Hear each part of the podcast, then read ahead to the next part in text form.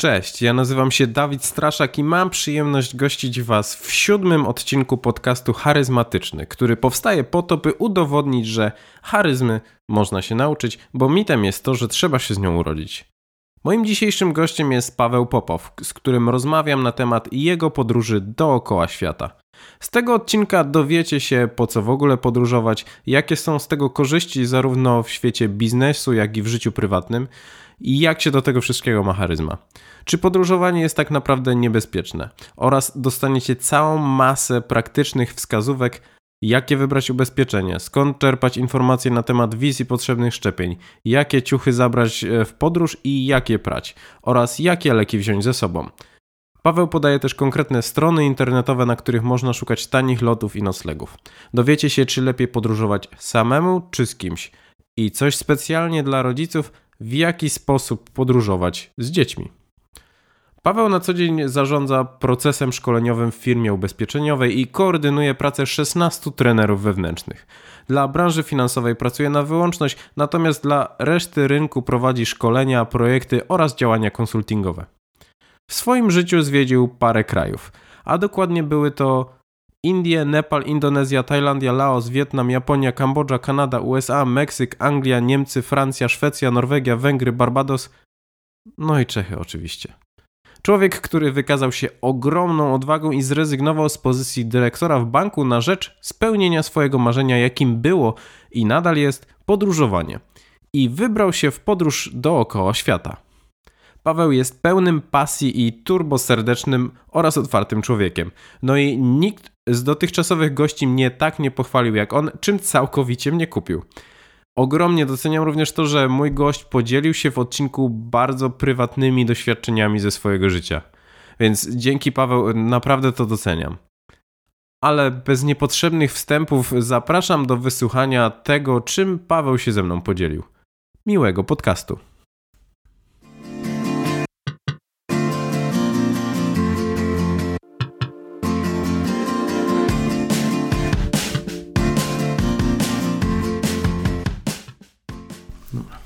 Cześć Paweł, witam serdecznie. Dzień dobry, bardzo dziękuję za zaproszenie. No to mi bardzo miło, że, że wpadłeś. Wiesz co, to zanim, zanim zaczniemy, to tak pomyślałem, że na początku Ci pogratuluję, bo z jednej strony fantastyczny pomysł zajęcia się charyzmą, która w mojej ocenie jest no, takim tematem jeszcze w Polsce nie jest za, zaoranym i e, może zawłaszczysz temat, dzięki czemu to tak, będzie taki Twój temat. A z drugiej strony forma, bo rzeczywiście tak jak, e, tak jak e, wymyśliłeś sobie podcast, no to dzisiaj przy tym e, fast foodzie ty zaproponowałeś slow food rozwojowy i no i robisz konkurencję dla audiobooków powoli, co? No, staram się. Super, dzięki wielkie. Bardzo miło mi to słyszeć. No właśnie, bo zaprosiłem cię z tego powodu, że, że spełniłeś nazwijmy to takie marzenie większości ludzi, żeby rzucić wszystko i wyjechać na, na drugi koniec świata. Ale ja też chciałbym porozmawiać o tym, w jaki sposób to zrobić e, i, i przybliżyć ludziom cały ten proces, żeby pokazać im, że to, to z jednej strony jest trudne, a z drugiej strony nie jest trudne. I chciałbym, żebyśmy przeszli przez to, e, przez to, co ty zrobiłeś, czyli przez podróżowanie przez, e, przez większą część świata i żeby pokazać, co trzeba zrobić, jak się przygotować, jak to zrobić, e, co, co robić w podróży, na co zwracać uwagę, co jest szczególnie trudne. No i porozmawiać o tych wszystkich aspektach, które są pomijane przy podróżowaniu i żeby, wiesz, nie, nie mówić tylko o tym pięknym zdjęciu wrzuconym z plaży, tylko o tym wszystkim, co jest pomiędzy e, podróżą z domu do, do miejsca docelowego. No i jeszcze jakoś to musimy połączyć z charyzmą, bo tak sobie myślę, że jeśli poza mną, tobą i moją mamą jeszcze ktoś tego będzie słuchał, to z szacunku dla tych odbiorców fajnie by było, jakbyśmy znaleźli mhm. te linki. Sam się zastanawiam, czy nam się to uda. No jak się nie uda, to myślę, że to będzie fajny... fajny wykasujemy. Tak, wykasujemy, albo będzie to fajny taki starter pack dla ludzi, którzy chcieliby zacząć podróżować. No i pięknie. Dobra, no to zacznijmy od takiego pytania, po co w ogóle podróżować, nie? Co, co to daje? Co może dawać? Jak ruszałem z tą moją podróż dookoła świata, to Wtedy ówczesna moja jeszcze dziewczyna, dzisiaj żona Honorata, którą serdecznie pozdrawiam, wysłała mi taki cytat. Szczę szczęściem jest mieć cel na krańcu drogi, ale w obliczu jej końca to droga ma znaczenie, a nie cel. Mhm. Myślę sobie, że proza życia z założenia jest nudna. To znaczy powtarzalna, przewidywalna, raczej sztampowa niż, niż nietypowa, ale jeśli my tą nietypowość wprowadzimy, to ta droga i to, to życie staje się ciekawsze. I myślę, że podróże wprowadzają taką ciekawość, nowość w codzienność i tym chyba bym ro rozpoczął, czyli, czyli dla mnie tym właśnie są podróże.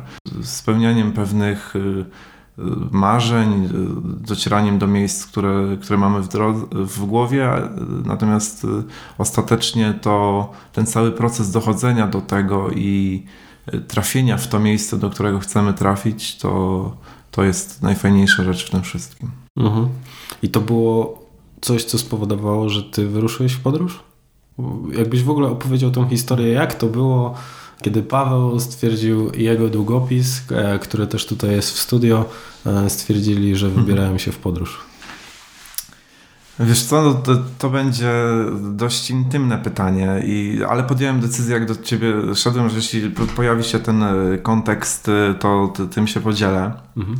Bo to jest tak, że od kiedy pamiętam, miałem dwa marzenia. To znaczy, marzyłem zawsze, żeby ruszyć w podróż dookoła świata i zobaczyć kawałek świata i żeby studiować psychologię. I pamiętam, e, że myślałem o tym całe dzieciństwo, całą szkołę podstawową, całą e, szkołę średnią. I tuż po maturze nasza koleżanka Ania, jak świętowaliśmy zdane matury, zebrała nas wszystkich e, w parku w koło, popatrzyła każdemu głęboko w oczy i powiedziała: Obiecajcie mi jedno. Obiecajcie mi, że e, po e, teraz liceum nie pójdziecie do pracy, tylko pójdziecie na studia dzienne, żeby przedłużyć sobie życie to młode takie, tą jeszcze zabawę, wolność mhm. i, tak dalej, i tak dalej. I pamiętam, że wszyscy y, stuknęli się tym y, napojem alkoholowym, który mieli w ręce. Y, wszyscy się cieszyli, wszyscy poza mną, bo w głowie miałem taką myśl, że wiedziałem, że zaraz zaczynam pracę w sklepie RTV AGD, gdzie za 735 zł y, będę sprzedawał. Miesięcznie? Tak, tak, tak, miesięcznie. Wielkie telewizory, y, pralki, lodówki. To były jeszcze te czasy tam z telewizorami kineskopowymi. I w czerwonym swetrze i za dużych spodniach w kant będę chodził między półkami, a mnie będą odwiedzać koledzy, którzy będą studiować na prywatnych uczelniach, jeździć samochodami i gdzieś tam, no będzie mi z tym ciężko. Mhm.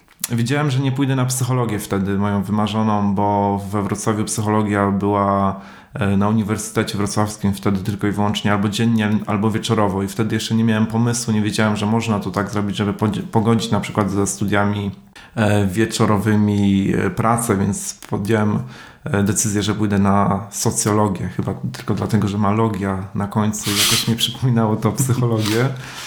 No to też jakby to było spowodowane tym, że moi rodzice się rozstali, że musiałem pomóc mojej mamie i, i to był bardzo trudny dla mnie okres, taki, w którym miałem poczucie, że moje życie się skończyło, że to wszystko e, nie ma sensu, że, że tak naprawdę zmarnowałem sobie e, najlepsze lata swojego życia, czy że, że, że one mi prze, przechodzą nie w taki sposób, jakbym chciał.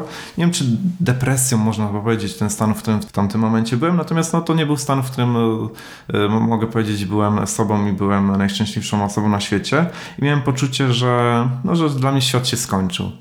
I gdyby ktoś mi wtedy powiedział, że E, ruszę w podróż dookoła świata, rzucając pracę, gdzie miałem świetnego szefa, świetnych podwładnych, świetną pensję, e, byłem znany i lubiany w organizacji, wszystkie te benefity i tak dalej, i tak dalej w zanadrzu i, i mimo to rzucę, żeby ruszyć w podróż dookoła świata, że podczas tej podróży e, przejdę piękniejszą traką, trasą trekkingową na świecie w Himalajach, że będę na audiencji u Dalej Lamy, że skoczę, skoczę z Himalajów na paralotni, że przybiję piątkę Marcinowi Gortatowi e, na meczu NBA, czy że będę jadł owoce morza na małych wyspach w Indonezji, to pewnie bym nie uwierzył, nie? Mhm.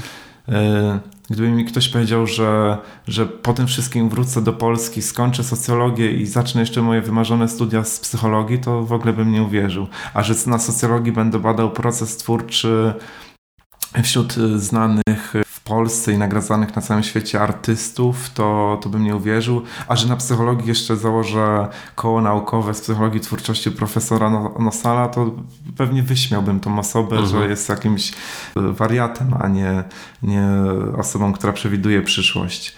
I trochę to jest tak, że jak miałem taki start, gdzie wchodziłem w dorosłość, jeszcze z, taką, z taką sytuacją, że e, gdzieś tam długi czyjeś musiałem spłacać, jak doszedł ten moment, w którym miałem to wszystko i poczułem, że cholera, to jest, jeszcze jest możliwe, czyli mogę rzucić y, pracę dyrektora w banku i ruszyć podróż dookoła świata. A co będzie po powrocie, to już nie ma znaczenia. To mogę pracować jako barman, mogę zamiatać liście u bogacza na, na ogródku. Jakby liczy się to, że jest szansa, żebym, żebym spełnił te marzenia, więc więc chyba to, to, jakby nagle przyszedł ten moment i, i ruszyłem w tą, jak inaczej, podjąłem decyzję, że podpisałem dokumenty i poinformowałem o tym jak najwięcej osób.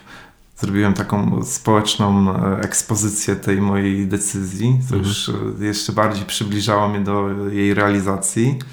E, I ruszyłem w tą podróż dookoła świata. Po powrocie poszedłem na studia z psychologii, te moje wymarzone, a jeszcze pomiędzy tym powrotem a, a studiami, bo moja roczna przerwa od pracy to tak naprawdę trwa 14 miesięcy, e, postanowiłem spełnić e, wielkie marzenie mojej mamy, e, która całe życie marzyła o tym, żeby zobaczyć fiordy i trochę w życiu przeżyła. To był też już wiek, w którym nie wstydziłem się pojechać z mamą na wakacje. Mhm. Jakby już nagle jesteś na tyle dorosły, że mówisz, to nie jest siara. Więc wziąłem moją mamę wsadziłem do samolotu razem ze mną. Polecieliśmy do Norwegii. Ona z rozrusznikiem w sercu, e, czy przy sercu, e, chodziła ze mną po fiordach, jeździła stopem, spała po couchsurfingu. No mam takie poczucie też, że to było piękne w tej przerwie, że też e, udało mi się po tym, jak zacząłem spełniać swoje marzenia, pomóc komuś w realizacji jego marzenia.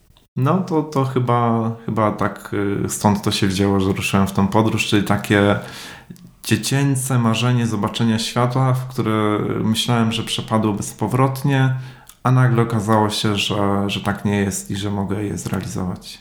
Mhm. Dzięki, że się podzieliłeś tą historią. No tak pomyślałem sobie, że albo szczerze, albo w ogóle. E, I fajnie też słyszeć, że, że dużo tego spełnienia marzeń e, u Ciebie. Chociaż czasem to banały są, nie? Jak tak słuchamy mówców motywacyjnych, czytamy amerykańskie książki, poradniki o prawach przyciągania, o tym, że wszystko jest możliwe i tak dalej, więc zastanawiam się, czy, czy ktoś słuchając tego z boku nie będzie myślał, że to jest jakiś banał i, i farmazon, nie? Tak jakby e, przy tym całym natłoku e, hasła spełnienie marzeń. To, co też chciałbym mocno e, podkreślić, to to, że ty byłeś zadowolony z tego, jak wyglądało twoje życie w, w momencie, zanim tak, wyruszyłeś tak, w podróż. Bardzo. Tylko stwierdziłeś, że czegoś jeszcze ci brakuje, że masz E, kilka krajów do, do odwiedzenia i wyruszyłeś wtedy podróż. No i wtedy pojawił się sławny długopis, e, który prowadzi własnego, własnego bloga, więc tak zapraszamy. Jest, tak. Będzie link do, do niego w, w notatkach. E, no dobra, no i z długopisem to też to, to tak, jak chcesz, to ci powiem no. skąd to się wzięło, bo to było tak, że jak przyszedłem e, do centrali mojego banku podpisać dokumenty e, rozwiązujące umowę, to, to był taki bardzo specyficzny dla mnie dzień, bo tak jak wspomniałem, miałem super szefa, super podwładnych, dobrą pensję, fajną pracę, fajnych kolegów i, i, i wielu, wiele osób, które towarzyszyły mi przez te lata, w, w, mojej pracy akurat spotkałem tego dnia, wchodząc w to miejsce, gdzie, gdzie niekoniecznie mogłem liczyć, że one będą. Mhm. I Poszedłem jeszcze pożegnać się z moim pierwszym szefem i wielkim mentorem, człowiekiem, który Pozdrawiam e, Cię, Jurek, jeśli tego będziesz słuchał, który, któremu wiele zawdzięczam i w wielu momentach mnie bardzo inspirował i, i wyznaczał kierunki. I poszedłem się z nim pożegnać. E, I dostałem informację, że ze swojego biura wyszedł, więc sobie siedziałem bezczelnie w jego pokoju, czekałem na niego, patrzyłem co ma na biurku mhm. i pomyślałem sobie, a, buchnę mu długopis i ten, tym długopisem pod, podpiszę wypowiedzenie. To będzie pewien cykl, e, życie zatoczy krąg i od osoby, która mnie zatrudniła, teraz wyjdę z długopisem i tym długopisem podpiszę wypowiedzenie.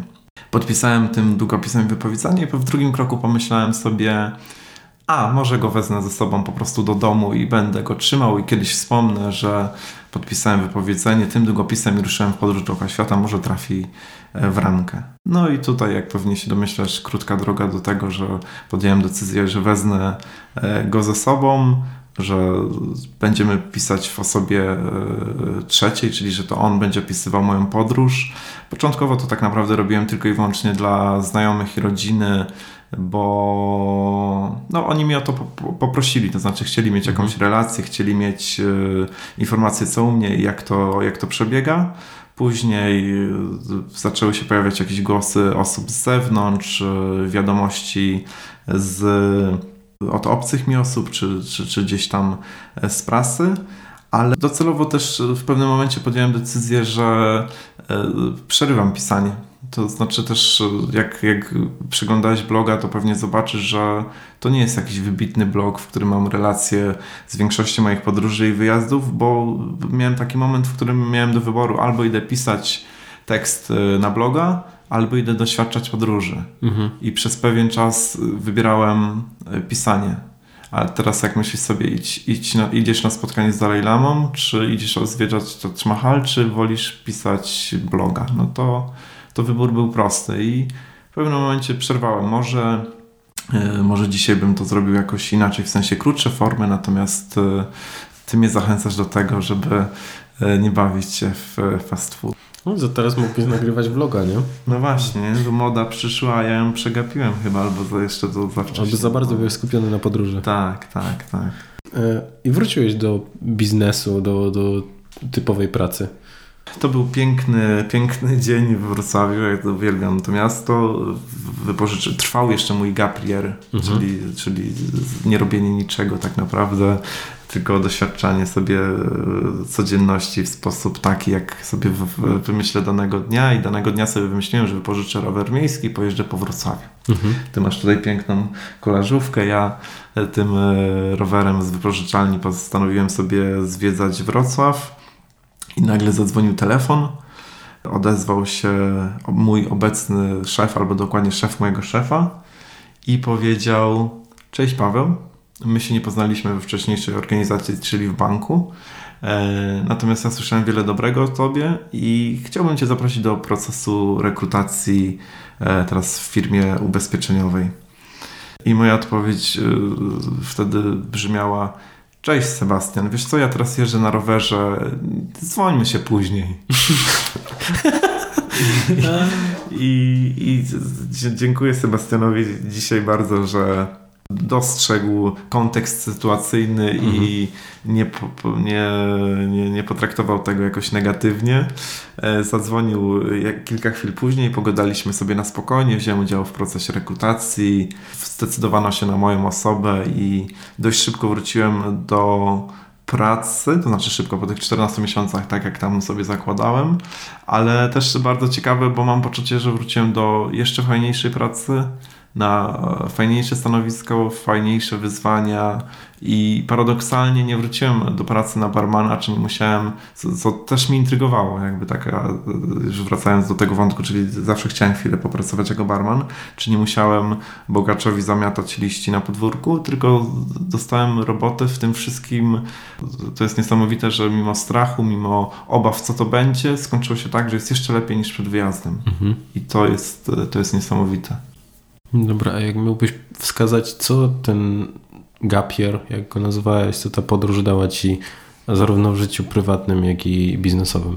Tutaj jakieś linki możemy zrobić też do charyzmy, mhm. bo jeśli y, dobrze rozumiem, to ty do charyzmy podchodzisz y, w sposób y, egalitarny, czyli że jest to cecha, którą każdy ma, ale nie każdy rozwiniętą na bardzo wysokim poziomie, albo inaczej, różnie rozwiniętą, ale mówisz, że charyzmy można się nauczyć. Mhm.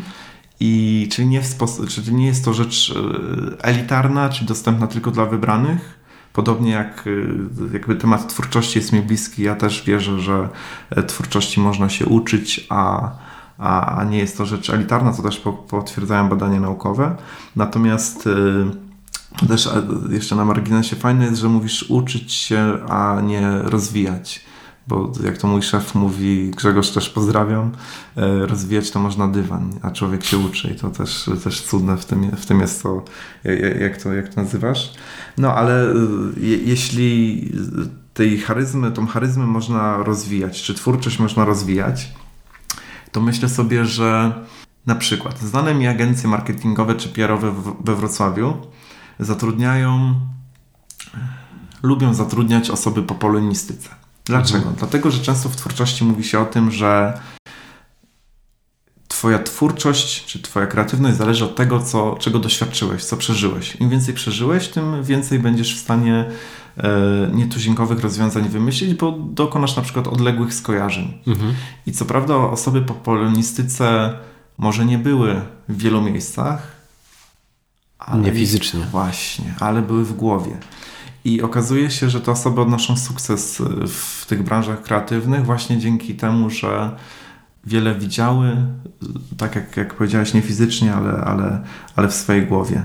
I mam wrażenie, że podróże na pewno będą e, w taki sposób kształcić, czyli będą pozwalać dostrzegać rozwiązania, których inni nie widzą, mhm. pozwalać wyabstrahować pewne rzeczy z rzeczywistości innej do naszej, żeby znaleźć rozwiązania pozwalać dokonać pewnych transformacji, czy, czy, czy, czy, czy właśnie rozciągać, czy wypłaszczać, jak to się mówi, tą sieć skojarzeniową, czyli usłyszysz słowo fidelec, no możesz pomyśleć nóż, usłyszysz czarny, biały stół, nożyczki, nie wiem, podcast, Dawid, nie, jakby bliskie skojarzenia.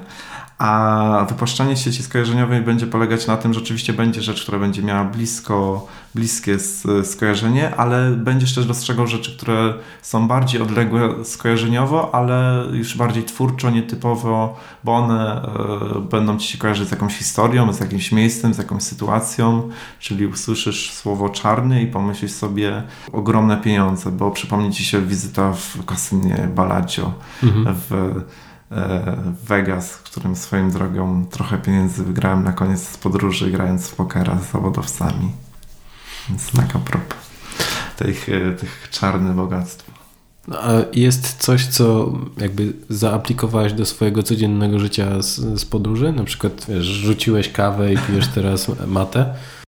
E, w kontaktach z ludźmi to, to na pewno się zmieniło. To znaczy, nie wprowadziłem jakichś takich rzeczy, jak na przykład e, pan Wojciech Cejrowski, że pije yerba mate, czy, czy od dzisiaj mam e, jakiś strój, który zakładam regularnie, bo, bo jest wygodny i go nosiłem w Azji.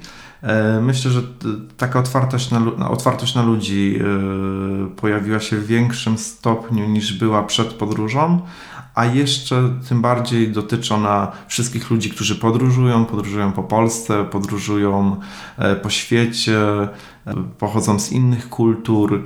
Dużo dobra, dobrego mnie spotkało w podróży i wiele osób mi pomogło, wiele osób było bardzo pozytywnie nastawionych e, do, do mnie czy do, do, do różnych sytuacji, które mnie spotykały.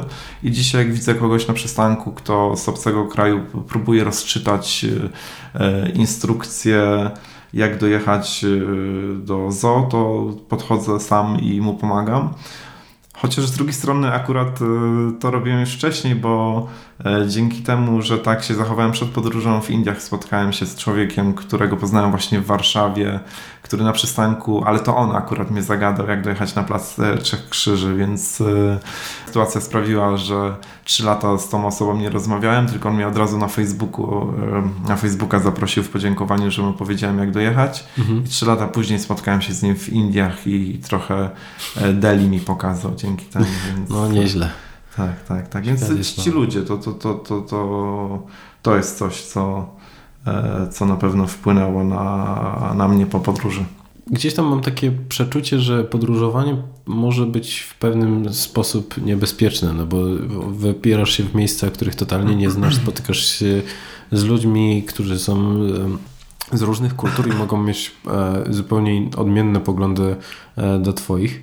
I czy doświadczyłeś jakichś takich e, zagrożeń, i które jakby wyostrzyły Twoją ostrożność w zwyczajnym życiu tutaj? Większość zagrożeń, jakie w życiu mnie spotkała, miała miejsce w Polsce i we Wrocławiu. Mhm. I rzeczywiście fajnie, że poruszasz ten temat, bo to jest chyba jeden z największych mitów, jakie jakie towarzyszą e, w głowie osobom, które chcą ruszyć w daleką podróż. Chociaż też powiem o drugiej stronie medalu, ale to za, za chwilę. Nie spotkało mnie nic, co byłoby e, sytuacją e, groźną, niebezpieczną, jakimś takim napadem, atakiem personalnym, agresywnym na moją osobę.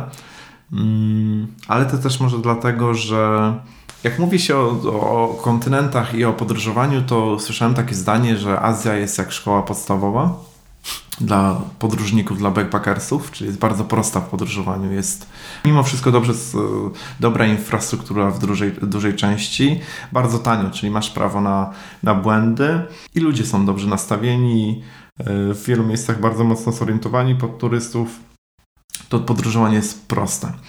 Ameryka Południowa już jest e, trudniejsza, to znaczy znam historię, że ktoś wysiadał, jechał jakimś tam tuk-tukiem czy jakimś komunikacją i ścigał ich inny tuk-tuk i na końcu chłopakowi ukradziono plecak, w którym tak naprawdę pal licho aparat, czy jakieś tam e, inne cenne rzeczy, ale najbardziej mu szkoda było notesu, który, w którym miał zapiski z całej rocznej podróży dookoła świata. Mhm. Więc to, to są takie sytuacje, w które, które już w Ameryce Południowej mogą się zdarzyć. Słyszałem historię e, o tym, że jadąc e, kolejką e, pod pomnik ten, ten Jezusa w Rio mhm. de Janeiro, to tam potrafią z karabinami napaść na tą kolejkę i, i obrabować turystów. Co ciekawe, podobno co któraś grupa myśli, że to jest jakaś inscenizacja i, i nie chwyta tego, że to jest I zaczynają bić brawo. Tak, tak, tak. E, no, ale jeszcze jest Afryka. Mhm. No to w Afryce już dużo Czyli to też, są studia wyższe. Tak jest, dokładnie. Mhm. To jest już uniwersytet dla backpackersów. E, no znam historię, że ktoś wychodził z lotniska i nie zdążył dojść, przejść przez ulicę, a już go napadano i okradano ze wszystkiego. Na granicy, kiedy musiał wyjść z autobusu, to musiał ściągać zegarek, bo, bo po prostu podbiegało do niego 20 osób i ściągało z niego co się da. W taki przyjazny sposób, ale z drugiej strony wy, wyrywano. Mi jedyne co, co wyrwało, no, wyrwano to w Mumbai, w Indiach dziecko podleciało i wyrwało mi butelkę z kolą i pobiegło. Jakby 30% półlitrowej butelki zostało, więc mhm. to jest moja największa strata okay. do tej pory. Natomiast no, w Afryce pamiętam jak poznałem taką Polkę w Dharamsali e, i ona mi opowiadała historię jak e, ona myślę pod setkę jeśli chodzi o, o, o podróżowanie. Około 100 krajów zobaczyła, więc jak, jak spotkam ją jeszcze raz, to zaproszę do Ciebie, bo myślę sobie, że też będzie miała wiele historii. Bo mówi, po Afryce się, po tej części Afryki, której, w której ona podróżowała, podróżuje się w taki sposób, że jesteś w pełni samowystarczalny. To znaczy ona ma, miała e, jakby grupę jeepa i na tym jeepie mieli wszystko. E, no, nie wiem, jedzenie, namioty do noclegu. No, nie musieli szukać miejsca, gdzie, mhm. gdzie będą spać, szukać jakiegoś wsparcia osób, wsparcia osób e, miejscowych. I mówi, że tam podróżowanie wyglądało w taki sposób, że jadą, jadą, jadą. E, pola, lasy, łąki e, i dojeżdżają do pierwszej miejscowości i jadą dalej, dojeżdżają do drugiej, cofają się do połowy drogi, wjeżdżają jak najbardziej w głąb i tam się bunkrują, żeby ich nie okradziono. Ale tobie nic poważniejszego się nie przytrafiło, czyli... Wiesz co, no miałem ten mój wypadek e, na, jak są dziewczyny mówię, na motorze, ale to skuter był. E, na skuterze w Indonezji. Mhm. Nie wiem, czy... czy, czy I co się stało? Wiesz co, no, to, to, była historia zaraz po Nepalu, jak trafiłem do Indonezji, zmiana klimatu, przepiękne plaże, genialna pogoda, no, znaczy upał nieprawdopodobny, mnie przywitał na lotnisku. Spędziłem ten dzień bardzo miło. Poznałem w guest house, gdzie spałem e, dwie Niemki. Umówiliśmy się następnego dnia, że wypożyczymy skutery i pojedziemy zwiedzać takie wodospady, które są.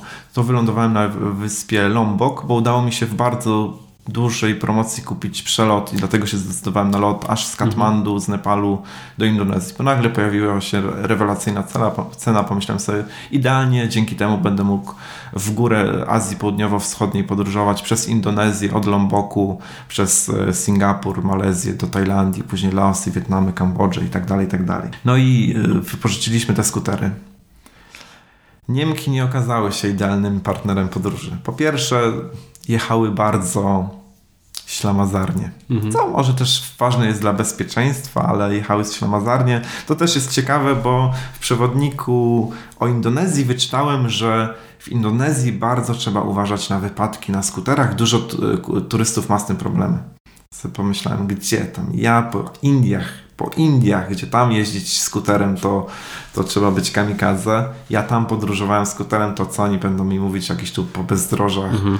wyspy Lombok w Indonezji, że ja będę miał wypadek. Szyłem z nimi w tą podróż, one co chwilę przerwa, tu zdjęcie, tam zdjęcie. No te wodospady tak z 3 godziny trzeba było poświęcić. No ale jechaliśmy, jechaliśmy, znaleźliśmy co prawda bardzo fajne miejsce z taką plażą dziewiczą, krystaliczna woda, piękny piasek i my tylko w trójkę tam mogliśmy się pokąpać kąpać, później znowu przerwa na jedzenie, później jedna z nich się zgubiła i generalnie jak już została nam powiedzmy godzina do tych wodospadów, to one stwierdziły, że wracają, bo nie chcą wracać po ciemku i że widzą, że z daleka idzie burza, a nie chcą wracać w deszczu, bo to niebezpieczne jeszcze w nocy. Ja stwierdziłem oczywiście, że jadę dalej, rozstałem się z, nim, on, o, z nimi, one wróciły, ja pojechałem dalej. Dojechałem do tych wodospadów, ale tam okazuje się, że już są przewodnicy z Indonezji, którzy E, cię zaprowadzą pod wodospad za kasę. No to mhm. wiesz, podróżnik z plecakiem, sam sobie poradzę. Jeden woda, wodospad, który łatwo było odnaleźć, znalazłem. Drugi już trzeba było iść przez dżunglę, więc e, było trudniej. I generalnie idąc tam go nie znalazłem. Trochę mnie to zdenerwowało, bo on podobno był dużo ładniejszy, fajniejszy, można było z nim w nim popływać pod tym wodospadem, więc taki, mm. taki bardzo rajski w e, też takiej, e, w takim krajobrazie. E, wracając spotkałem akurat grupę, która idzie, pytałem mnie, znalazłeś? Ja mówię, nie, no idziesz prosto i znajdziesz. No i znowu jakby wyprzedziłem ich, poszedłem jeszcze raz. Szedłem z plecakiem nad głową, e, przez wodę tam po szyję. W pewnym momencie się potknąłem, to wpadło mi wszystko do tej wody. Kapie mi z brody i nagle patrzę, a oni idą z boku ścieżką. I mówią, czemu ty idziesz wodą? Przecież tutaj ścieżka jest. Mówiłem ci, że tylko chwilę wodą, a później wyjdź coś dobra, jak już tu doszedłem, dam radę, dojdę do tego mhm. wodospadu. Trochę mi to przez to wszystko, przez tę historię zajęło. Znalazłem ten wodospad, wykąpałem się, naprawdę było fajnie. Jeden z fajniejszych, e, e, pod którymi pływałem. I wróciłem do skutera. No i miałem w głowie tą myśl, że po ciemku się źle jedzie, że jest, drogi są źle oświetlone, że w deszczu, a tam były jakieś takie ciemne chmury, się źle wraca, więc e, no jechałem trochę szybciej niż, e, mhm. niż to ustawa przewiduje. Wyprzedzałem ciężarówkę. Były muldy, piasek. Powalczyłem chwilę ze skuterem, bo z naprzeciwka jechał inny, więc jeszcze jakby przyspieszyłem. Ostatecznie się wywróciłem. To było szczere pole. Ciężarówka przejechała, skuter przejechał.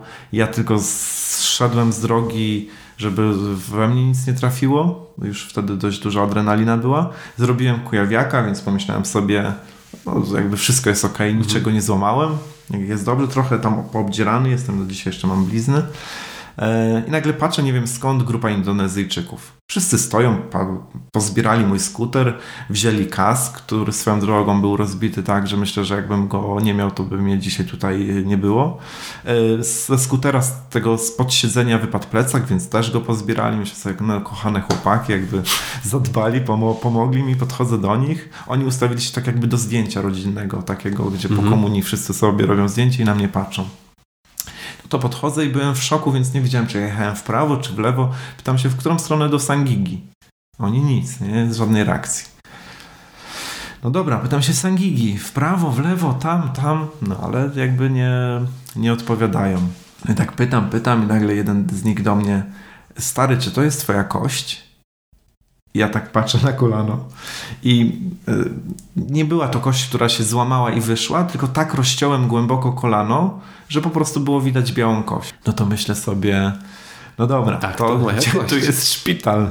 No ale oni nadal nic. Ja mówię, dobra, szpital, gdzie jest szpital? Jakiś, jak, to, to, jakby, no, w prawo, w lewo, nic. No i w końcu tego, co powiedział stary, czy to jest twoja kość, gdzie jest szpital? To on mówi, tu trzy minuty jedziesz i będzie szpital. Ja cię zawiozę.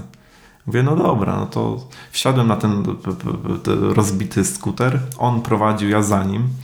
Co było straszne, on jechał bardzo szybko i jeszcze cały czas patrzył na moje kolano tak naprawdę. Czyli się odwracał i patrzył na moje kolano zamiast prowadzić, więc ja y, czułem się jak w traumie po wypadku, gdzie od razu musiałem wsiąść na skuter i no to też ciekawe było, bo było dość stresujące, stresujące jechać skuterem zaraz po tym, mhm. tym upadku. Przywiózł mnie do budynku wielkości sklepu Żabka. Mhm. Położyli mnie na tym stole. No i czekam. Czekam 10 minut, 20, 30, 40 minucie wchodzi jakiś chłopczyk, no i tam zaczyna ze mną rozmawiać. Nie, a co się stało, gdzie się stało, a gdzie to się stało, a skąd jesteś i tak dalej. To Ale chwilę... chłopczyk w sensie kilku No tam dwudziestoparoletni. No. To młody mężczyzna. Tak, tak, młody mężczyzna. Natomiast z perspektywy tego, co mówię, nie sądziłem, że to jest doktor, bo ja do niego mhm. mówię, dobra synu, ale daj mi tu swego ojca, ja tu cierpię, potrzebuję pomocy. On do mnie patrzy, ja tu jestem lekarzem. Ja świetnie, no to dobra, zatrzyma się. Za chwilę przyszedł jeszcze młodszy jego asystent i on mówi, będziemy szyć. Ja mówię, no to nie, tam daj wodę utlenioną, plaster, tutaj to się za sklepie, nie? Jakby ja, nie, on mówi, nie, będziemy szyć. Tylko wiesz co, jest niedziela i anestezjolog nie dojedzie, bo dzisiaj ma wolne, więc na żywca. No i wziął igłę, nić i pięć szwów, jeden za drugim przez... po prostu ścisnął to to, e, to miejsce i jeden za drugim e, szef za szwem. Przy piątym, bo mam ich osiem, pewnym momencie do tej żabki szpitala wchodzi kobieta z brzuchem. I on akurat wy, wyciąga ten piąty szef i mówi, patrzy na nią i mówi wiesz co, muszę odebrać poród, to mój asystent dokończy, ten młodszy. Mhm. Więc ja mówię, nie no chwila, ale czy on kiedyś już szył? Mówi, nie, ale wiele razy widział. I ostatnie, Pocieszające. I ostatnie trzy szwy zrobił mi ten asystent. No, tam w miarę delikatny był, chociaż mhm. e, nie wiem, jakby no, to adrenalina pewnie robiła swoje.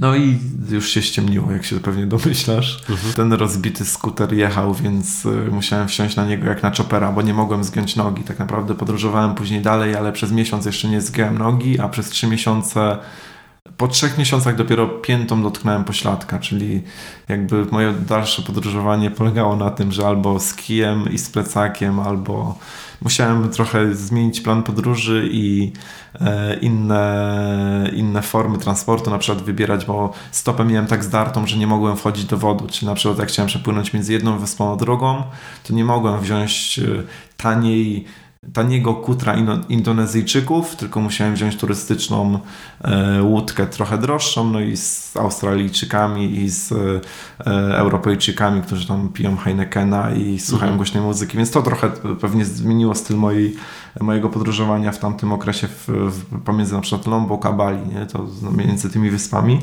No i trzy godziny w skuterze, jak, siedząc jak na czoperze z nogą wyprostowaną, jechałem z powrotem do, do tej mojej e, miejscowości, do guest house'u. Jak się dowiedziałem, dojechałem, to dowiedziałem się, że Niemki też miały wypadek i, i całe szczęście są tylko pozdzierane. A po drodze jeszcze wracając, e, ten gość, który mi pomógł, powiedział, że po drodze jest warsztat, bo on pracuje w warsztacie i, i że pomoże mi naprawić motor wracając. To jeszcze, żebym akurat jadąc do Sangigi u niego się zatrzymał. Pojechałem do niego. Okazało się, że na miejscu on mi powiedział, Wiesz co, bo ja nie mam warsztatu. Ja tu mam dziewczynę, której bardzo chciałem zaimponować. Jak ja przyprowadziłem Europejczyka, to ona, ona będzie bardziej e, chciała się ze mną spotkać, więc, więc odstawiłem tam szopkę, że on jest, mówiłem wszystkie najprostsze słowa po angielsku, że to jest bohater, że uratował mi życie, że to jest cudny człowiek i tak dalej.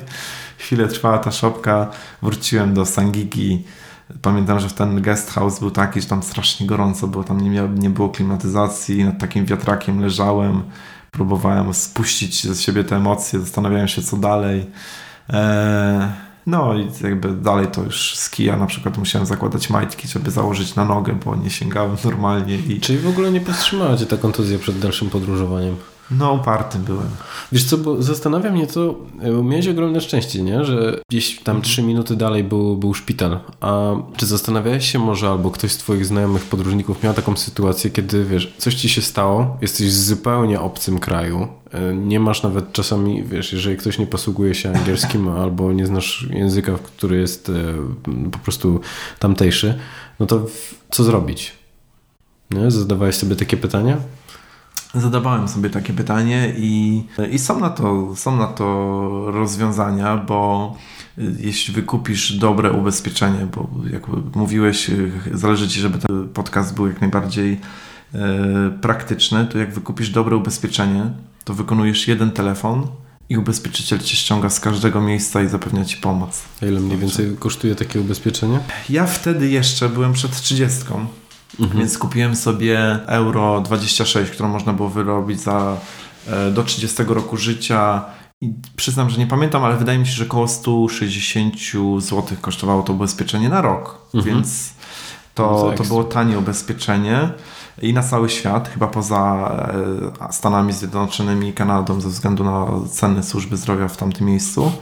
Miałem oprócz tego e, platynową kartę kredytową, ale ona tylko mi pozwalała na podróżowanie, inaczej ubezpieczałem je tylko na chyba na 62 dni. Czyli od startu podróży mnie i osobę, która ze mną ewentualnie podróżuje, mam to ubezpieczenie na 62 dni. Mhm.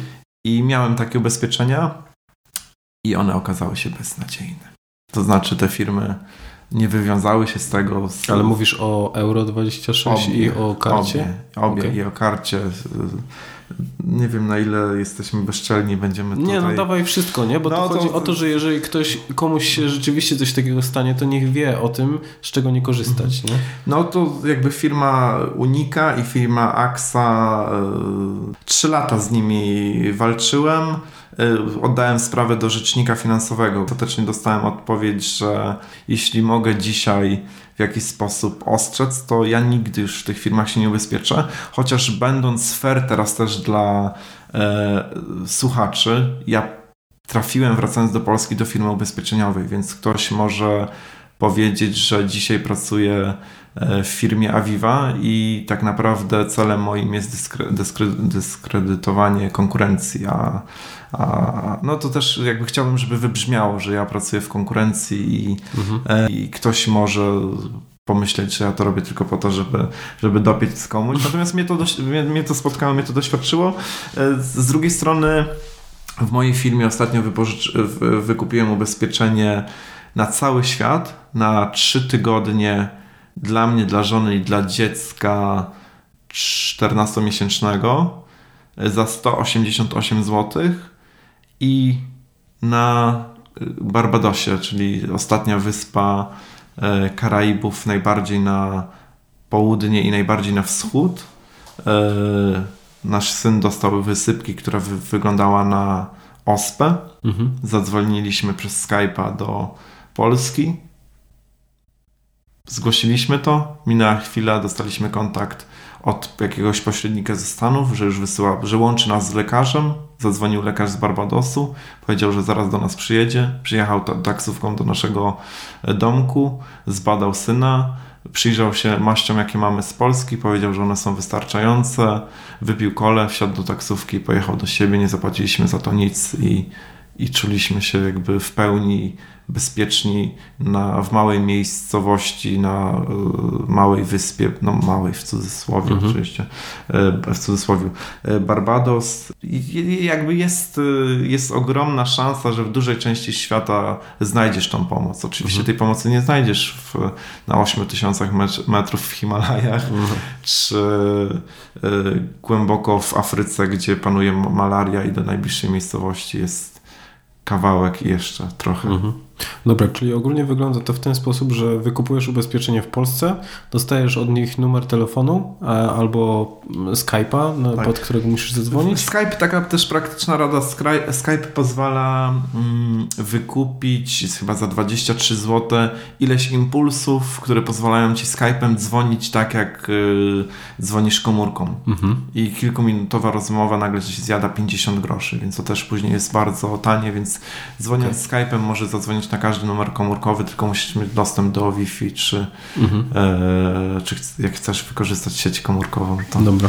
to Dobra, czyli wtedy komunikujesz, kontaktujesz się z ubezpieczycielem i oni tak naprawdę załatwiają całą resztę za ciebie. I Jak jest dobry ubezpieczyciel, to tak. I, mhm.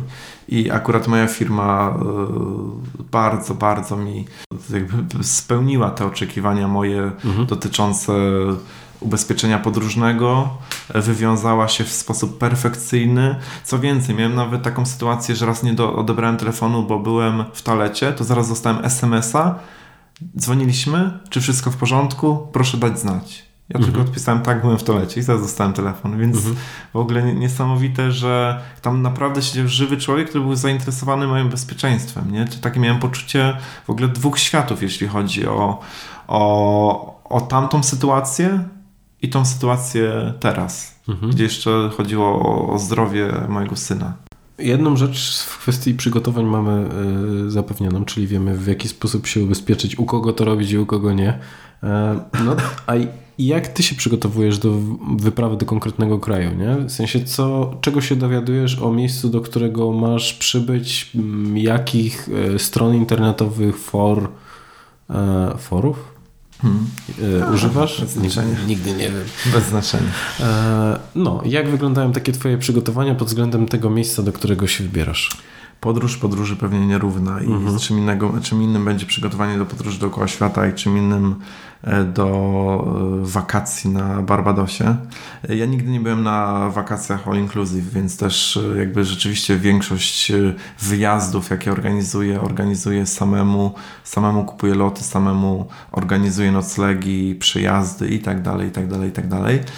Przy organizacji podróży dookoła świata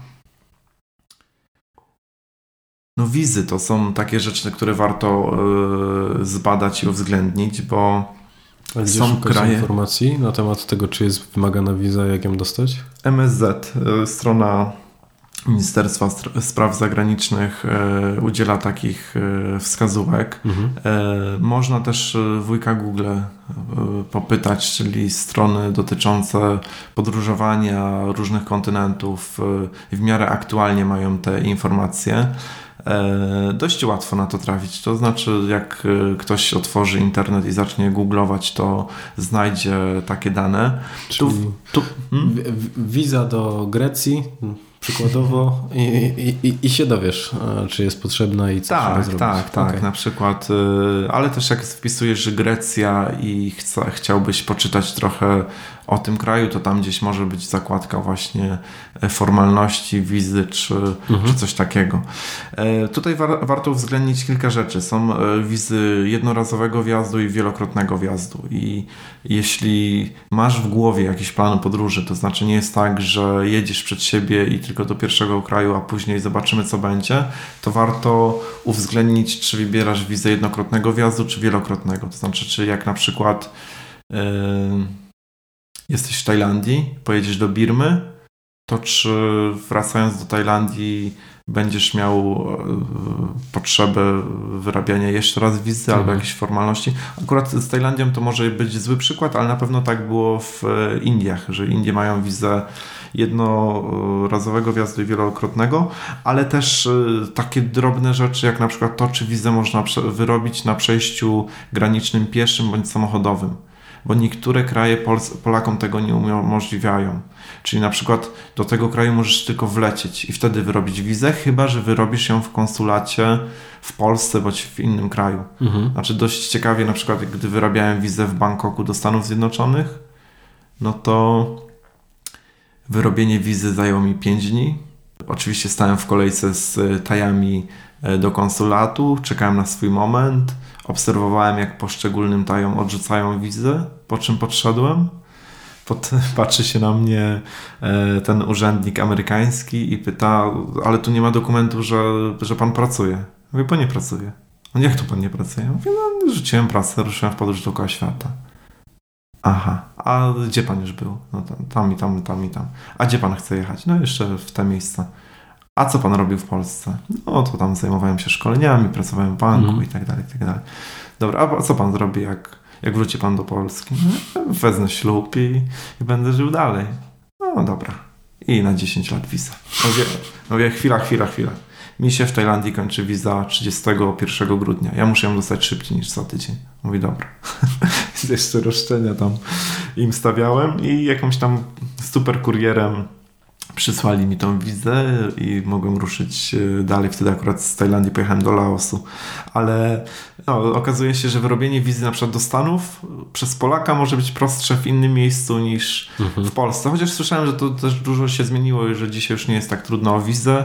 E, natomiast może to mieć znaczenie na przykład, jeśli chciałbyś pojechać do Wietnamu e, i w trakcie podróży wyrabiasz sobie wizę, to na przykład wyrobienie wizy może trwać kilka dni. I wiem, że niektórzy podróżnicy, których spotykałem w Laosie, tak narzekali, że utknąłem w stolicy, bo czekam na robienie wizy i mhm. muszę to spędzić, nie pamiętam, czy tam 3 czy 6 dni.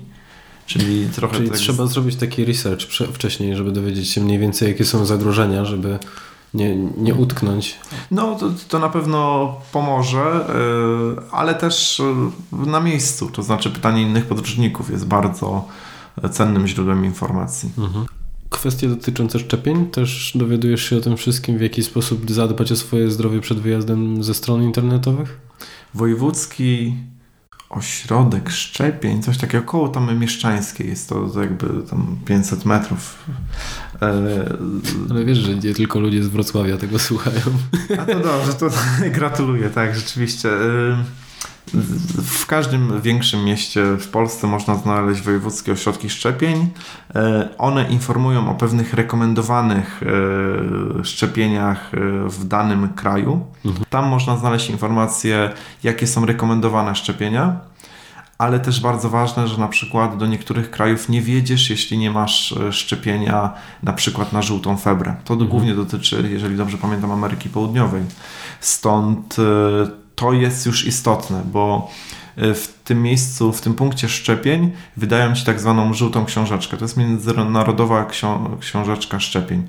I ją masz, i ona jest trochę tak cenna jak paszport. Mhm. To znaczy, ją mając ze sobą w różnych miejscach e, możesz pokazać, musisz pokazać. No, ja na przykład ją pokazał, pokazywałem e, w Indonezji w tym w tym żabko szpitalu, mhm. że byłem szczepiony na tężec, że nie podawali mi kolejnej dawki na przykład. Więc to są takie drobne rzeczy, które nagle mogą zadecydować, czy dostaniesz jakieś szczepienie, czy nie. E, no ale też z drugiej strony taką formalnością, która sprawi, że albo cię wpuszczą do danego kraju, albo nie.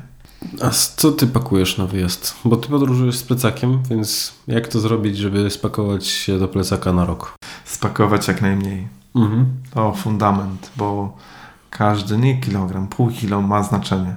Zwłaszcza ma znaczenie na przykład jak y, ruszyłem w ten trekking y, w Himalajach, gdzie musiałem wejść, y, on trwał chyba tam około niecałe 20 dni, na 5400 metrów y, docelowo. Mhm. Więc y, nie dość, że dużo idziesz, to idziesz jeszcze pod górę, to i nie miałem tragarza czy, czy osła, który niósł ze mną ekwipunek. Więc e, no tak, no, w Indiach kilometrowe e, stacje kolejowe są, więc nawet jak cię taksówka czy riksza dowiezie na dworzec, to później musisz dojść do tego pociągu i do swojego wagonu, a, a że kilka czy tam kilometr ma peron, no to, to trochę tych e, kroków e, zrobisz, więc jak najmniej. Co zabieram? Paszport, żółtą książeczkę, zdjęcia. A serujesz jakoś paszport? Tak, tak, tak. Właśnie punkt trzeci to zdjęcia, punkt czwarty to ksero paszportu. To się przydaje przy wyrabianiu wiz, czyli i zdjęcia i ksero paszportu do, do wiz. Adapter, czyli przejściówka do prądu. Mhm. W różnych miejscach są różne gniazdka.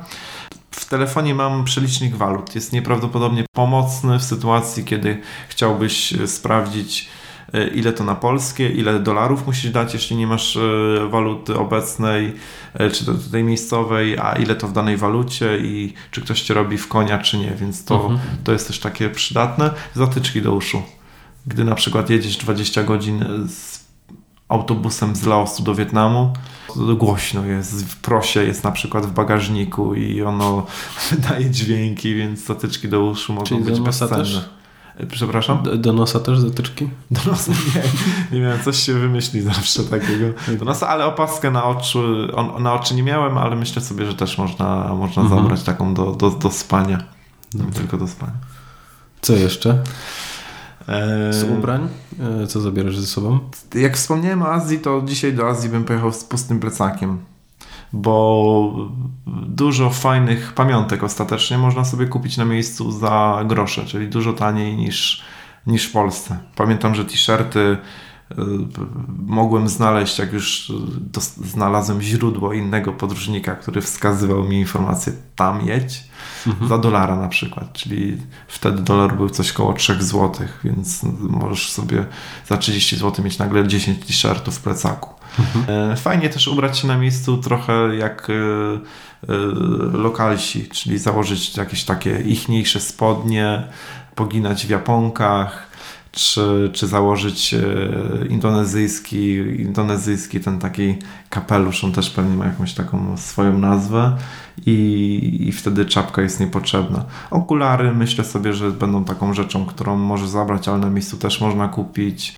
Wiadomo, jeśli ruszasz w podróż e, w Himalaje, no to znowu zależy jak wysoko będziesz mhm. wchodził, mm -hmm. bo w Nepalu na Tomelu ja za 600 złotych. Kupiłem kurtkę North, North Face'a, kurtkę jeszcze taką trochę jak na snowboard, spodnie, kalesony, trzy pary skarpet, buty North Face'a, wszystko to waterproof, e, windstopper i tak dalej, i tak dalej.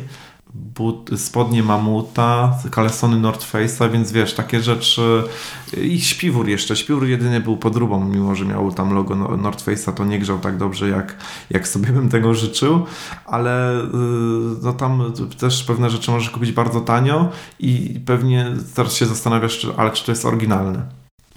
Oni mówią często, że my produkujemy podwójnie. To znaczy 5000 dla Zary, 5000 żebyśmy my sobie sprzedali. Tak, mhm. więc jakby jak rozmawiałem tam z ludźmi na miejscu, oni mówili, nawet nie ci sprzedawcy, ale że to z tych fabryk jest, tylko po prostu robią więcej niż wysyłają do tego właściciela. Okej. Okay. A kwestie prania, e, jak to wygląda? Są miejsca, gdzie za nieprawdopodobnie niskie ceny w Azji na pewno. No właśnie, bo wiesz, jak y, ostatnio natknąłem się za, na jakąś taką pralnię tutaj, która jest mocno dedykowana właśnie do, mhm. do ludzi, którzy są obcokrajowcami. No to ja byłem przerażony, wiesz, kilogram prania 37 zł. Wow, no to myślę sobie, że okej, okay, raz na jakiś czas jak jesteś przyciśnięty do muru, to, to pewnie, ale w, co w sytuacji, kiedy ty no, jesteś w podróży, więc no, no siłą rzeczy musisz sobie jakoś radzić, nie? No gdzieś w notatkach pewnie znalazłbym ile płaciłem. W, pamiętam w Laosie prałem przy takim guest house'ie.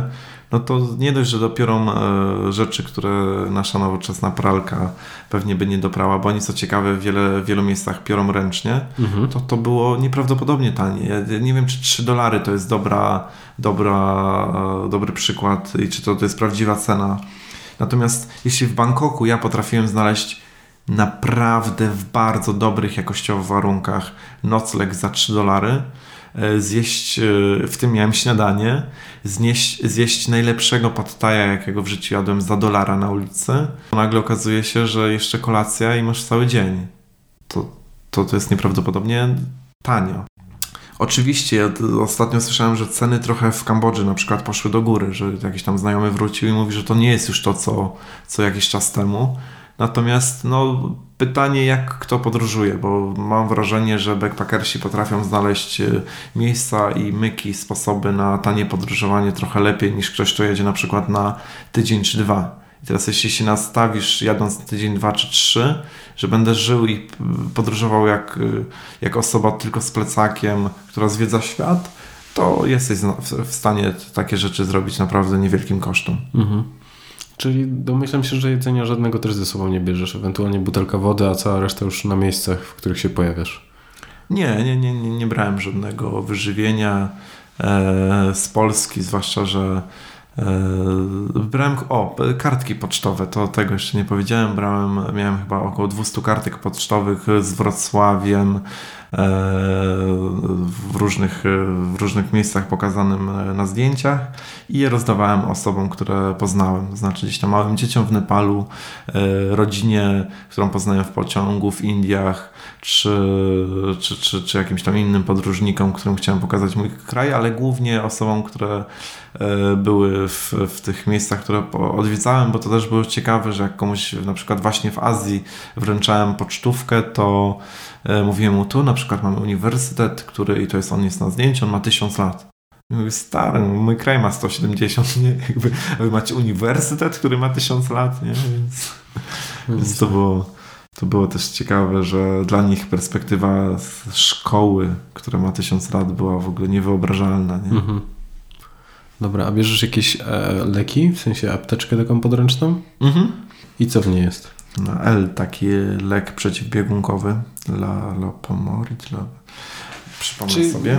To nie ma znaczenia, tylko jakieś... Tak, można pójść do lekarza chorób tropikalnych i on zarekomenduje pewne rzeczy. Mhm. Na pewno ja bym zachęcał, żeby ktoś miał tabletki przeciwbólowe, bo oczywiście można znaleźć je na miejscu i jak już się tam jest, to, to nie ma z tym problemu E, ale w podróży, gdzie się właśnie jedzie 20 godzin jakimś środkiem transportu, to ja bym wolał być niezależny, nie chciałbym chodzić po przedziałach czy po autobusie i przyjmować jakieś leki, których pochodzenia nie znam, więc tabletki przeciwbólowe, na pewno coś e, na biegunkę, bo e, ona może się przydarzyć i może być uciążliwa.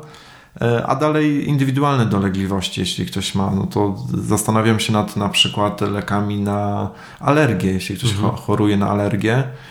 Choć tu też rzecz, rzecz ciekawa, ja dość mocno kicham i łzawię na wiosnę e, i zmiana miejsca, klimatu sprawiła, że ja przez całą podróż nigdy nie doświadczyłem żadnego typu alergii, która, mi do, która mnie dotyczy, więc nie wiem, czy jako przyszli psychologowie będziemy się tutaj doszukiwać jakichś symptomów natury, że coś, coś jest w mojej głowie, dlatego mam alergię. Psychosomatyczne no, psychosomatyczne jakieś reakcje moje, czy, czy po prostu inny klimat tak na mnie mhm. działa i jestem stworzony do tego, żeby wynieść się do Azji, Ameryki, czy jeszcze gdzieś. Nie, nie masz czasu na alergię wtedy. Dokładnie. Za dużo się dzieje. Dobra, to mamy kwestie takie formalne, co spakować, co wziąć ze sobą. A powiedz mi, jak się przygotować mentalnie? Albo inaczej, czy jest mhm. coś, ciebie mocno zaskoczyło mhm. i mógłbyś dać taką radę osobie, która będzie zaczynać, żeby nie natknęła się na takie mhm. trudności, z którymi ty się borykałeś?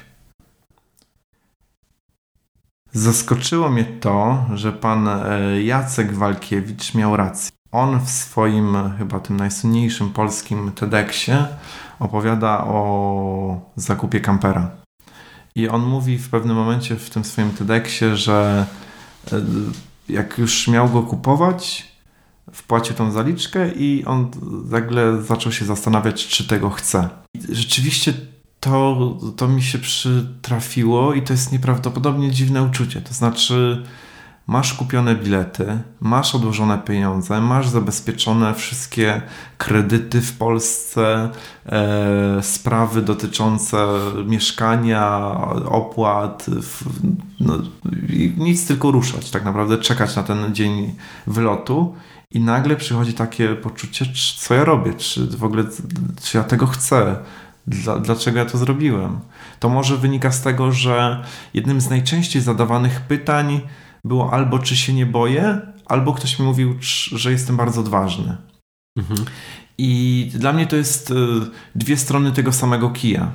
Ale to może w pewnym momencie ta, ta ilość tych pytań wprowadzić pewne wątpliwości w, w głowie takiej osoby, która na przykład rzuciła pracę i robi sobie przerwę roczną i, i chce ruszyć podróż dookoła świata albo, albo nawet kilkumiesięczną, nie wiem, po Bałkanach czy, czy gdziekolwiek indziej. Zrobimy taki link na przykład do, do biznesu i do e, rozwoju kreatywności. Jeśli mamy kryteria dotyczące kreatywności e, profesora Nęcki, płynność, giętkość, e, oryginalność, jeśli daję grupie do wykonania zadanie, które wymaga takiego myślenia, ale wcześniej im o tym nie mówię, to grupa wykonuje to zadanie, analizujemy je, przedstawiam te kryteria i proszę, żeby grupa wykonała jeszcze raz to zadanie. I okazuje się, że nieprawdopodobnie inaczej, dużo lepiej wykonuje grupa zadanie, tylko dzięki temu, że w minutę poznała wiedzę dotyczącą tego, jak ma myśleć. I tak sobie myślę, że przygotowanie mentalne do podróży to świadomość, że pojawią się wątpliwości, że jest bardzo duże prawdopodobieństwo, że się pojawią i że one będą, więc je zaakceptujmy i idźmy dalej, nie? Czyli okej, okay, jakby to jest naturalny proces. Czyli bądź przygotowany na to, że będzie, będziesz się wahał, będziesz niepewny, będziesz się bał. Dokładnie tak. I nie będziesz chciał jechać. Mhm. Ale już za późno, bo wszystko kupione, więc... No, to, to powiem Ci, że też y, profesor Łukaszewski y, na swoich wykładach, jak opowiadał, co sprawia, że ludzie postanowienia noworoczne wdrażają albo ich ostatecznie nie realizują. To mówił tam o różnych kryteriach, które naukowo-psychologicznie zostały udokumentowane, co sprawia, że ludzie e, rzeczywiście realizują dane postanowienia i jednym z nich e, było to, poinformuj o tym innych. I powiem Ci, że w momencie jak rzuciłem pracę i zacząłem obnosić się z tym, czyli informować, że ruszam w podróż, co u mnie, co się mhm. dzieje i tak dalej, to to było bardzo mocne zobowiązanie, takie, które w pewien sposób już nie pozwalało mi się wycofać. I ja mu bardzo dzisiaj za to dziękuję. Natomiast nie wiem, czy by tak było, gdybym to zachował dla siebie. Mhm. Gdybym... Czyli takie, taka presja społeczna, która jakby dobrowolnie wybrałeś e, to, żeby ona spoczywała na twoich barkach, bo... Albo łechtałem swoje ego, mhm. chwaląc się, że ruszam w podróż, nie? No ale w jakimś stopniu dobrowolnie, bo mówiłem o tym rzeczywiście, nie? Że, że ruszam w podróż e, dookoła świata i, i tak dalej, więc to jest mocny motywator, motywator i to pewnie trochę mentalnie może wzmacniać taką osobę, aby zrealizować to, to, tą decyzję e, mhm. do, do końca. A ile kosztuje podróżowanie? Bo domyślam się, że w związku z tym, że ty byłeś takim e, człowiek podróżującym z plecakiem, no to wszystko było po kosztach. Tak i nie. Bo w sytuacji, jak już wiedziałem, że wracam i zostałem jeszcze trochę oszczędności, no to na przykład jak byłem w Kalifornii właśnie w Baladio, no to pozwoliłem sobie zagrać na stole dla zawodowców e, w pokera. E, pozwoliłem Czyli sobie... nie graliście o 5 zł, co? pozwoliłem sobie kupić wycieczkę z chińską e, grupą autokarem na Tamę Hoovera i na zwiedzanie Wielkiego Kanionu, mhm. która mnie kosztowała 100 dolarów. Pozwoliłem sobie kupić bilet w piątym rzędzie za Jackiem Nicholsonem e, na meczu NBA, gdzie grał Marcin Gortat i, i byłem bardzo blisko boiska, chyba za 700 zł. Czyli to jak na backpackersa, to ja pół roku w Azji bym wytrzymał. nie no, żartuję oczywiście, może nie tak długo, ale to, to, to, to jest du dużo pieniędzy. Mhm. E, to, to, to 700 zł to tyle, co w, tym, w, tej, w tej mojej pierwszej firmie zarabiałem do takiej wydatek no. właśnie. Nie? Też historia zatoczyła koło. Ale pozwoliłem sobie zrobić tatuaż e, ostatniego dnia mojej podróży na plaży Venice Beach w Los Angeles. Skoczyłem z Himalajów z paralotni, co też jest płatną turystyczną atrakcją, więc... E, Ale wiesz, jakby... Nie nie chcę ci tutaj wyliczać, mhm. nie? Ile, ile cię poszczególne rzeczy kosztowały, tylko jakby zwrócić uwagę na to, że ile mniej więcej kosztuje takie podróżowanie bez tych, wiesz, fajerwerków, bez tych ekstra dodatków. Z tymi podróż dookoła świata mnie kosztowała około 30 35 tysięcy. Mhm. A jak długo podróżowałeś w sumie? Ta pierwsza podróż taka w, w ramach tej rocznej przerwy to była raczej krótka, to znaczy poznałem podróżników, którzy podróżują rok, dwa lata, poznałem kogoś, kto podróżuje 26 lat, mhm. e, a moja by trwała 5 miesięcy. Później miałem takie wypady krótkie, ten ma, z mamą do Norwegii, gdzieś tam mhm. z e, narzeczoną, czy wtedy z dziewczyną, a następnie narzeczoną do Anglii. I to tam takie wypady już tutaj bliższe i nie tak, tak wielkie jak, jak, jak droga E, dookoła, dookoła świata. Więc tak, więc 5 miesięcy, 35 tysięcy, minus te wszystkie wydatki mogłoby być dużo taniej, dużo mm -hmm. taniej. A Stany mnie bardzo zjadły, bo jednak tam koszt noc, hotelu w Los Angeles to było 25 dolarów najtańszy hotel. I to taki hotel, gdzie helikopter latał nad nim i z, z tym tą lampą szukał uciekiniera, handlarza kraku, bo, bo okazało się, że to jest dzielnica, gdzie, gdzie, gdzie się handluje krakiem, więc, mm. więc to był najtańszy hotel w Los Angeles i on mi kosztował 25 dolarów, więc jeśli teraz to porównuję do Bangkoku, gdzie potrafiłem za 3 dolary znaleźć hotel i to naprawdę bardzo dobrej jakości, no to ten w Stanach, o, to tam mnie raz okradziono, bo miałem Raybany, Tajbany za, za chyba 3 dolary kupione w Laosie czy gdzieś, zostawiłem je na łóżku, poszedłem pod prysznic, wróciłem, ich nie było. I to jest jedyne miejsce bogate, ekskluzywne, nonszalanckie Los Angeles. Mhm. Ukradło mi Tajbany. Tajbany. Fajnie, nie, nie słyszałem tego określenia. Może jestem e... autorem. Do, dobra, a co kosztowało najwięcej? Bilety mm, lotnicze? Tak, tak, tak. Bilety lotnicze. Choć jak używasz tych stron Skyscanner, Fly for Free, e, Loter, to naprawdę w dobrych cenach możesz znaleźć e, e, loty do odległych krajów. Ostatnio na Barbados udało mi się kupić bilety dla trzech osób w sezonie za 4400. Co to mhm. jest przy, lot, przy sześciu lotach trzech osobach, to, to jest dobra cena. Okej, okay, a czego używasz do wyszukiwania noclegów? Albo konsultuję to z osobami, które spotykam na miejscu, mhm. to znaczy z innymi podróżnikami, albo Czyli... oczywiście są te wszystkie bookingi, Airbnb, y, Lonely Planet, pra, y, praktyczne po, y, poradniki Pascala, tam można znaleźć też informacje na temat tego, gdzie w danym miejscu podróżować, a czasami po prostu idziesz ulicą, widzisz miejsce, wchodzisz do tego miejsca i pytasz, czy możesz najpierw zobaczyć pokój, wchodzisz do pokoju, ustalasz cenę i śpisz w nim, czyli taka znowu praktyczna rada, będąc na miejscu, zanim się zdecydujesz na jakiś hotel, pytasz, czy możesz zobaczyć pokój, oglądasz pokój i podejmujesz decyzję, czy płacisz 3 dolary, czy idziesz szukać czegoś fajniejszego okay. w tej cenie. Super. A korzystałeś może z couchsurfingu? Korzystałem. Choćby podczas tej podróży w Norwegii z moją mhm. mamą, gdzie e, w ramach couchsurfingu e, spałem e, z nią u, u dwójki Polaków.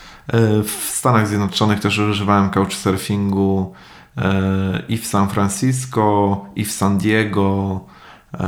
No, to chwalę sobie, bardzo, bardzo ciekawa, ciekawe doświadczenie jak mamy mówić o tych plusach i minusach, to minusem jest to, że w pewien sposób stajesz się zależny od kogoś. Czyli mhm. tam jest takie niepisane zobowiązanie, że na przykład w związku z tym spędzicie wieczór razem, albo pójdziecie, nie wiem, na lekcję salsy, albo ktoś ci pokaże, jak. E, jak, e, nie wiem, gotuje, albo że ty w zamian za to coś mu gotujesz, więc to było trochę tak, że jeszcze jak w, na przykład w San Diego dwie Niemki spały w tym samym miejscu, gdzie ja, to nagle trzy, trzy głowy są od siebie zależne, muszą na siebie czekać, muszą wspólnie podjąć decyzję, gdzie pójdą. Jednym osobom to się może podobać, innym nie i e, to są jakby, ale z drugiej strony możesz poznać surfera, który ci pokaże jak, jak surfować e, w San Diego i, i pójść z nim na deskę, więc mm. no ja chwalę sobie couchsurfing i też możliwość poznawania różnych ludzi, no tak różnych, że na przykład raz się do, do nudysty zapisałem na, na couchsurfing nieświadomy tego, ale tuż Nie przed... zorientowałeś się po zdjęciu.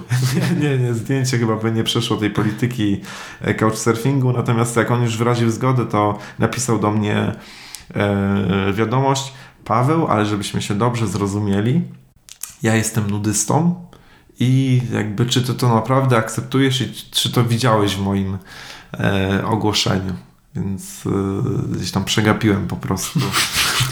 Dość istotną informację. Ale to wydaje mi się, że napisał z tego względu, że nie ty pierwszy przegapiłeś. Tak, tak, tak, tak. No. I co ciekawe, ostatnio y, odwiedził e, mnie w Warszawie Jacek, też nieprawdopodobna postać, którą poznałem w ramach couchsurfingu w Norwegii. Czyli może w mhm. ogóle powiedzmy o tym, że couchsurfing to jest e, taka platforma, która jednoczy ludzi, którzy udostępniają ci kanapę. Tak? Oni najczęściej mają dodatkowy pokój albo właśnie po prostu E, po prostu kanapę w, w salonie i oferują e, to, że podróżnik może z niej skorzystać e, całkowicie za darmo. Jakby z założeniem, że kiedyś oni mogą znaleźć się w podobnej potrzebie i albo ty zwrócisz tą przysługę, albo ktoś w twoim imieniu, kto będzie w innej części globu. Tak jest. Oni też na przykład w Meksyku, w Tijuanie, jak spałem u takiej pary, no to robili to między innymi dlatego, że ta dziewczyna chciała się uczyć angielskiego i dzięki okay. przyjmowaniu gości mogła rozmawiać z nimi po angielsku i się tego języka. E, no ale to rzeczywiście wracał. Tak jak wspomniałem, e, jeden z chyba najcudowniejszych couchsurfer, jakiego spotkałem, Jacek, mieszkający w Stavanger w Norwegii. Niedawno odwiedził mnie we Wrocławiu i też miałem przyjemność go gościć u siebie. E, zapewnił nam tak nieprawdopodobne wtedy warunki, jak z, z mamą byłem w Norwegii, że e, przywitał nas moją mamę kwiatami, obwiózł nas po okolicy, pozwolił mi pojeździć elektrycznym samochodem, co dla mnie było fajnym mhm. wydarzeniem, opowiedział o, o wielu ciekawych miejscach, e, a przede wszystkim jest nieprawdopodobnie ciepłą i taką fajną postacią, więc poznajesz podczas tych couchsurfingowych nocy wyjątkowe, wyjątkowe postacie. Mhm. No właśnie, wspomniałeś o tych Niemkach i o tym, że w pewnym momencie stajesz się zależny od kogoś. I czy ty uważasz, że lepiej jest podróżować samemu, czy z kimś? Zdecydowanie samemu. Znaczy, mam, mam takie wrażenie, że osoby, które przeżyły taką podróż samemu, będą wiedziały o czym mówię, a osoby, które nie przeżyły, będą się zastanawiać, no ale halo, przecież to i raźniej będzie z kimś, i może mhm. bezpieczniej, i ciekawiej, i się razem pośmiejemy. E, ja doświadczyłem obu tych stron i wiadomo, że cudnie jest podróżować z grupą przyjaciół i spędzić miło czas. Natomiast jeśli mówimy o takiej podróży dalszej, to ja rekomendowałbym e, podróż samemu, bo dzięki temu po pierwsze stwarzamy okazje, których nie stworzylibyśmy podróżując z kimś. To znaczy jadąc pociągiem, tak naprawdę będziemy skupieni na rozmowie z tą osobą, a jadąc samemu dajemy przestrzeń do tego, żeby porozmawiać z kimś innym, czy ktoś inny z nami porozmawia. I nagle skończy się to tym, że siedzisz w przedziale z obcymi sobie ludźmi, jesz z nimi, e, oni ci opowiadają nieprawdopodobne rzeczy, zawiązują się przyjaźnie i ciężko mi to pisać, że to się nie dzieje, jak podróżujesz z kimś, ale dzieje się to na pewno w dużo mniejszym stopniu. Mhm. Czyli ta druga osoba jest w pewnym sensie takim ograniczeniem tej podróży, że ty nie, nie możesz w niej tak uczestniczyć w pełni.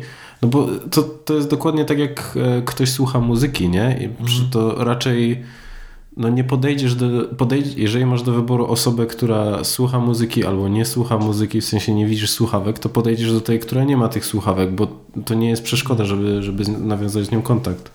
Piękny przykład. To, to rzeczywiście taka osoba jest takimi słuchawkami. E, samotny podróżnik y, powoduje, że osoby, które się mu przyglądają, patrzą na niego z troską, z zainteresowaniem. Dużo łatwiej im porozmawiać z osobą, która e, nagle siedzi sama i ewidentnie może się nudzić i może go zagadamy. E, intryguje, dlaczego ktoś sam podróżuje. No, to ta osoba zabiera, zabiera z tymi słuchawkami. To fajna analogia. A z drugiej strony też bym powiedział, że nie podróżujesz tak naprawdę sam, bo wielokrotnie w różnych miejscach y, poznasz innych backpackersów, z którymi podejmiesz decyzję, że dzisiejszy dzień spędzicie, spędzicie razem i razem pojedziecie zwiedzać to miejsce, razem pojedziecie na te wodospady, razem pojedziecie zobaczyć e, centrum Bangkoku, czy, czy będziecie siedzieć przy ognisku wieczorem e, na małej wyspie na plaży. Ja miałem komiczne sytuacje z jednym z Koreańczyków, którego w ciągu trzech miesięcy spotkałem w trzech państwach Azji, e, w trzech miastach, nagle przypadkiem na ulicy. Więc to było, e, czy raz w guest house, czy tam w jakimś hostelu.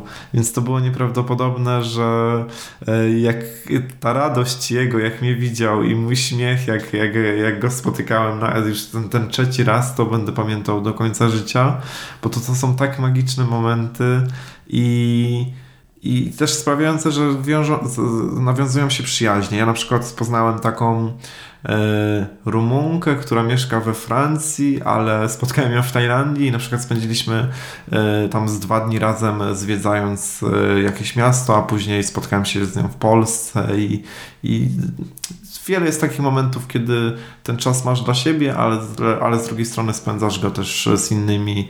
Czy na przykład, nie wiem, w Kambodży siedziałem w guest house, ledwo przyjechałem, wchodzi ktoś, puka ktoś do, tam e, do mnie, czy wchodzi, bo to był akurat wieloosobowy pokój i mówi, idziemy grupą na kolację, idziesz z nami tutaj na e, Fish Market no, wiesz, wstajesz, ubierasz się i nagle poznajesz grupę ludzi, z którymi śmiejesz się, dowiadujesz się o ciekawych kierunkach, o miejscach, gdzie warto pójść, czy gdzie kupić tanio t-shirt, o którym wspominałem. Mhm.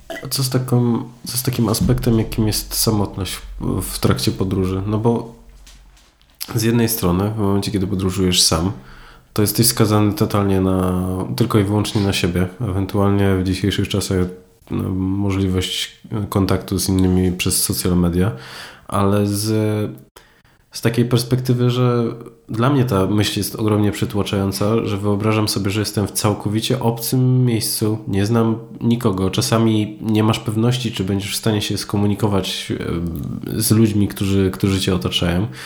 No i to dla mnie jest takie przytłaczające. A jak ty sobie z tym radziłeś?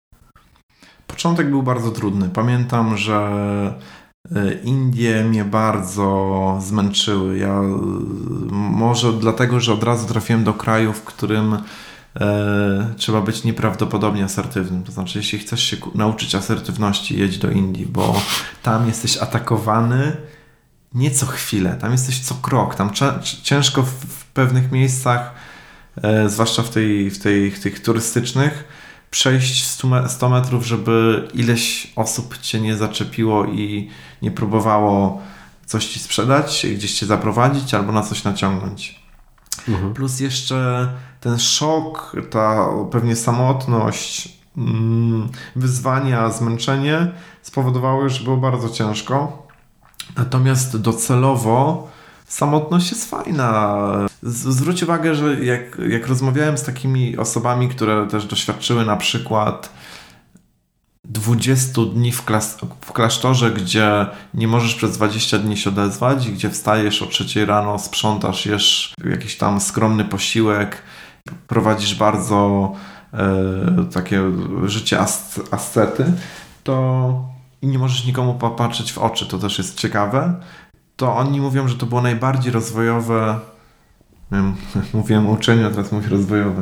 Rozwojowe doświadczenie w ich, w ich życiu. Coś jest w tej samotności, że ten spacer, trekking po Himalajach e, dał mi masę myśli e, w głowie. Mój kolega, który ruszył w podróż po Bałkanach, wrócił i wrócił w pomysłem, e, z pomysłem, czy to tam wspólnie z dziewczyną akurat, z pomysłem e, fantastycznej fundacji, która dzisiaj e, sobie radzi. Chociaż nie wiem, czy to nie był pomysł tej dziewczyny, więc. No ale bądź co bądź, masz, masz pomysł na. Masz czas na, na pewne pomysły, na myśli dla siebie, na, na chwilę oderwania się ja chwalę sobie i zachęcam. Nawet rozmawiałem teraz z żoną, że chcemy sobie zrobić tak, żebyśmy raz w roku, poza wspólnymi wyjazdami, mieli taki czas, gdzie każdy z nas sobie wyjedzie samemu gdzieś i spędzi trochę czasu właśnie gdzie zabierze siebie na taką podróż do... do, do, do... W głąb siebie. Tak, tak, dokładnie. Kurczę, głęboko. Jest coś takiego... Mm o czym się w ogóle nie mówi, bo wiesz, ostatnio temat podróżowania stał się dosyć modny, wiesz, pojawiło się mnóstwo blogów, vlogów i ludzi zachęcających do tego, żeby rzucić wszystko i wiesz, spakować się do plecaka i pojechać. Ale czy jest coś, o czym, o czym się nie mówi? Co, co, co dało ci do myślenia w podróżowaniu w ten sposób? Dało mi do myślenia na pewno to, że coś, co ja zrobiłem, jest niczym wyjątkowym na świecie. To znaczy, masa Niemców, Anglików, Amerykanów, Francuzów robi to, czego my Polacy jeszcze tak nie robimy, jak bym sobie tego życzył, czyli mhm. y, nie wiem, jedzie do Australii, pracuje tam rok, a kolejny rok za tą kasę podróżuje po świecie. Rzuca wszystko i rusza w podróż dookoła świata. Takich podróżników jak ja, którzy ruszyli w podróż dookoła świata, spotykałem setki i mam poczucie, że spotkałem masę ludzi z Niemiec, Francji, Anglii, a nie spotykałem tak dużo Polaków. To znaczy, mhm. mam wrażenie, że w innych krajach nie jest to niczym wyjątkowym. E, mimo, że uważam, że też to, co ja zrobiłem, nie jest jakąś, jakąś wyjątkową rzeczą, natomiast na pewno o tym się nie mówi, o tym staram się mówić. E, ale wiem o co ci chodzi i mam coś takiego, to znaczy... Ale wiesz, mhm. jeszcze przyszło mi jedna myśl do głowy, że no popatrz, 35 tysięcy złotych to całkiem spora, spora kasa, nie? Więc może to jest kwestia tego, że mm, ludzie z innych państw europejskich zarabiają odpowiednio dużo e, i nie muszą się uciekać do takich, wiesz, motywów, że jadą do Norwegii, żeby tam malować domki, żeby uzbierać na, na, na podróż, e, wiesz, na kilka miesięcy, nie? Może, ale tych, co poznawałem, to mimo, że byli z tych zamożniejszych krajów, e, to to były osoby, które właśnie jechały na przykład do Australii w ramach programu Work and Travel, żeby zarobić na taką podróż. Czyli oni robili dokładnie to samo. Y, pewnie osobnym podcastem mógłby, mógłby być podcast na temat, na temat zachowań konsumenckich Polaków. Ja nie mam takiego przekonania, że Polak jak się postara, to nie odłoży. To po prostu nie, nie stanowi tak dużego priorytetu w jego, w jego życiu, w jego codziennych, e, codziennych sprawach, bo tak jak wspomniałem, ja rozpoczynałem w no, nie najlepszej sytuacji finansowej. Ja pamiętam, mhm. że na, w liceum jak y, udało mi się uzbierać na perfumy i szedłem na taki bazar, gdzie Rosjanie sprzedawali perfumy za 15 zł i się nimi wypsikałem i szedłem następnego dnia do liceum, to jak dziewczyny pytały nowe Armani, ja mówiłem tak, nowe Armani. więc, więc y, startowałem i jakby i w życie dorosłe wchodziłem w sytuację finansową, gdzie no 160 tysięcy złotych musiałem jakby oddać komuś e, za coś, co nie było moje tak mhm. naprawdę mhm. i, i, i mimo wszystko doszedłem do tego, że, e, że zrealizowałem podróż dookoła świata i w planie mam podróżowanie, robienie takiej rocznej przerwy co 10 lat, czyli mhm. chciałbym co 10 lat robić roczną przerwę z założeniem, że może wydłużę sobie ten czas pracy i w wieku późniejszym przejdę na emeryturę, ale skonsumuję emeryturę tak jakby za życia, czyli mhm. trochę wcześniej będę robił sobie takie roczne przerwy i no, wynajem mieszkań. Jakby dzisiaj, jak, jak dobrze pokombinujesz, to możesz y, kupując mieszkanie bardzo szybko na nim zarabiać. E, I skoro to jest przedmiotem zainteresowania, to spotykałem wielu rozczarowanych podróżników, którzy szukali plaży niczym Leonardo DiCaprio w filmie e, Rajska plaża. Niektórzy o tym mówili wprost. E, na całym świecie chcieli znaleźć, znaleźć taką swoją oazę, gdzie nie dotarł jeszcze nikt, albo gdzie będzie jakaś wąska enklawa hipisów, gdzie będzie mógł jakiś czas tam żyć, a może osiedlić się na stałe i nie znajdowali tego miejsca. To znaczy, znam historię, że ludzie mówią, płynęliśmy na wycieczce na małą, malutką wyspę, taką jak na pocztówkach, że są 3 na 2 metry, dwie palmy, tam powieszony hamak, żeby sobie zrobić zdjęcie na fejsa, ale tam jak dopływaliśmy, to tam najpierw wyskakiwała ekipa, która czyściła z butelek i z worków tą wyspę, żeby można było zrobić zdjęcie. Mhm. Na przykład nie mówi się o zanieczyszczeniu świata. Eee, i o szukaniu, że ja pamiętam jak jechałem 12 godzin w głąb dżungli w Laosie do małej, pięknej miejscowości, e, w której miałem znaleźć e, nieprawdopodobne doświadczenia. Zostawiłem rzeczy w e, guesthouse'ie, idę coś zjeść i nagle wchodzę na ulicę, która tętni życiem leci Rihanna, chodzą Amerykanie z baseballowkami do tyłu i z koszulkami na ramionczkach, sceny są trzy razy większe i nagle myślisz sobie, cholera, to tutaj już dotarł ten amerykański świat, nie? Jesteś w północnym, yy, w północnym Laosie i i liczyłeś, że spotkasz tutaj mnichów, którzy będą kontemplować, czy, czy jakby miło spędzać czas po swojemu, a nie, a nie w tle Rianę. Mhm. Teraz swoją drogą ostatnio byłem pod jej domem na Barbadosie, więc też... Więc pozdrawiam Marianę. Więc e, jestem tym Amerykaninem w czapce chyba. Co z drugiej strony, co było najtrudniejsze dla Ciebie w podróżowaniu? No, pewnie tęsknota do bliskich yy, i ten początek. Tak jak wspomniałem, to, to, to, to rozpoczęcie było takie, gdzie musisz się przestawić. Yy, temat nawyków yy, to temat teraz też taki popularny i dużo się o tym mówi. No i na pewno one mają znaczenie, bo przeskoczenie na niepędzenie, ale też przeskoczenie na to, że musisz trochę inaczej podchodzić w tej kulturze do tego, że jesteś e, w cudzysłowie, e, w cudzysłowie atakowany e, przez sprzedawców, przez ludzi, którzy starają się powiązać koniec z końcem, bo na koniec dnia oni tak będą spali w richszy i, i myśleli o tym, jak znaleźć kawałek czegoś do zjedzenia na kolację. Więc to przestawienie się było niełatwe. E, no i w pewnym momencie tęsknota do, do mojej dziewczyny, e, do bliskich, e, które łączy się pewnie ze zmęczeniem. Marzysz w pewnym momencie o tym, żeby wykąpać się w wannie, żeby wyspać się w swoim łóżku i chwilę odpocząć z tej podróży. Natomiast wielu podróżników w tym momencie mówi o tym uzależnieniu, które podróż taka generuje. To znaczy, wracasz do Polski, chwilę odpoczniesz, chwilę e, podzielisz się tymi emocjami z ludźmi, których to interesuje i pojawia się depresja. Taka tęsknota za podróżą, którą ciężko opisać.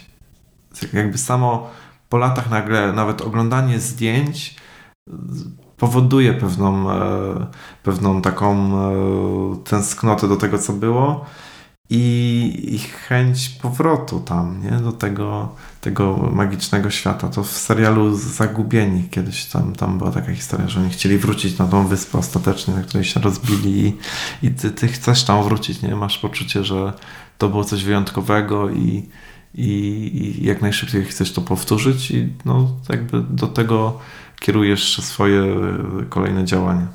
A powiedz mi, w jaki sposób to robić, żeby podróżować z dziećmi? Jakieś Twoje wnioski, bo bardzo często spotykam się z tym, że zobaczysz, jak pojawią się dzieci, to się skończą podróże. O, no ty... uwielbiam ten, ten mit, mój ulubiony. No i ty zadajesz ten kłam i mówisz, że to jest możliwe, żeby podróżować razem z pociechami.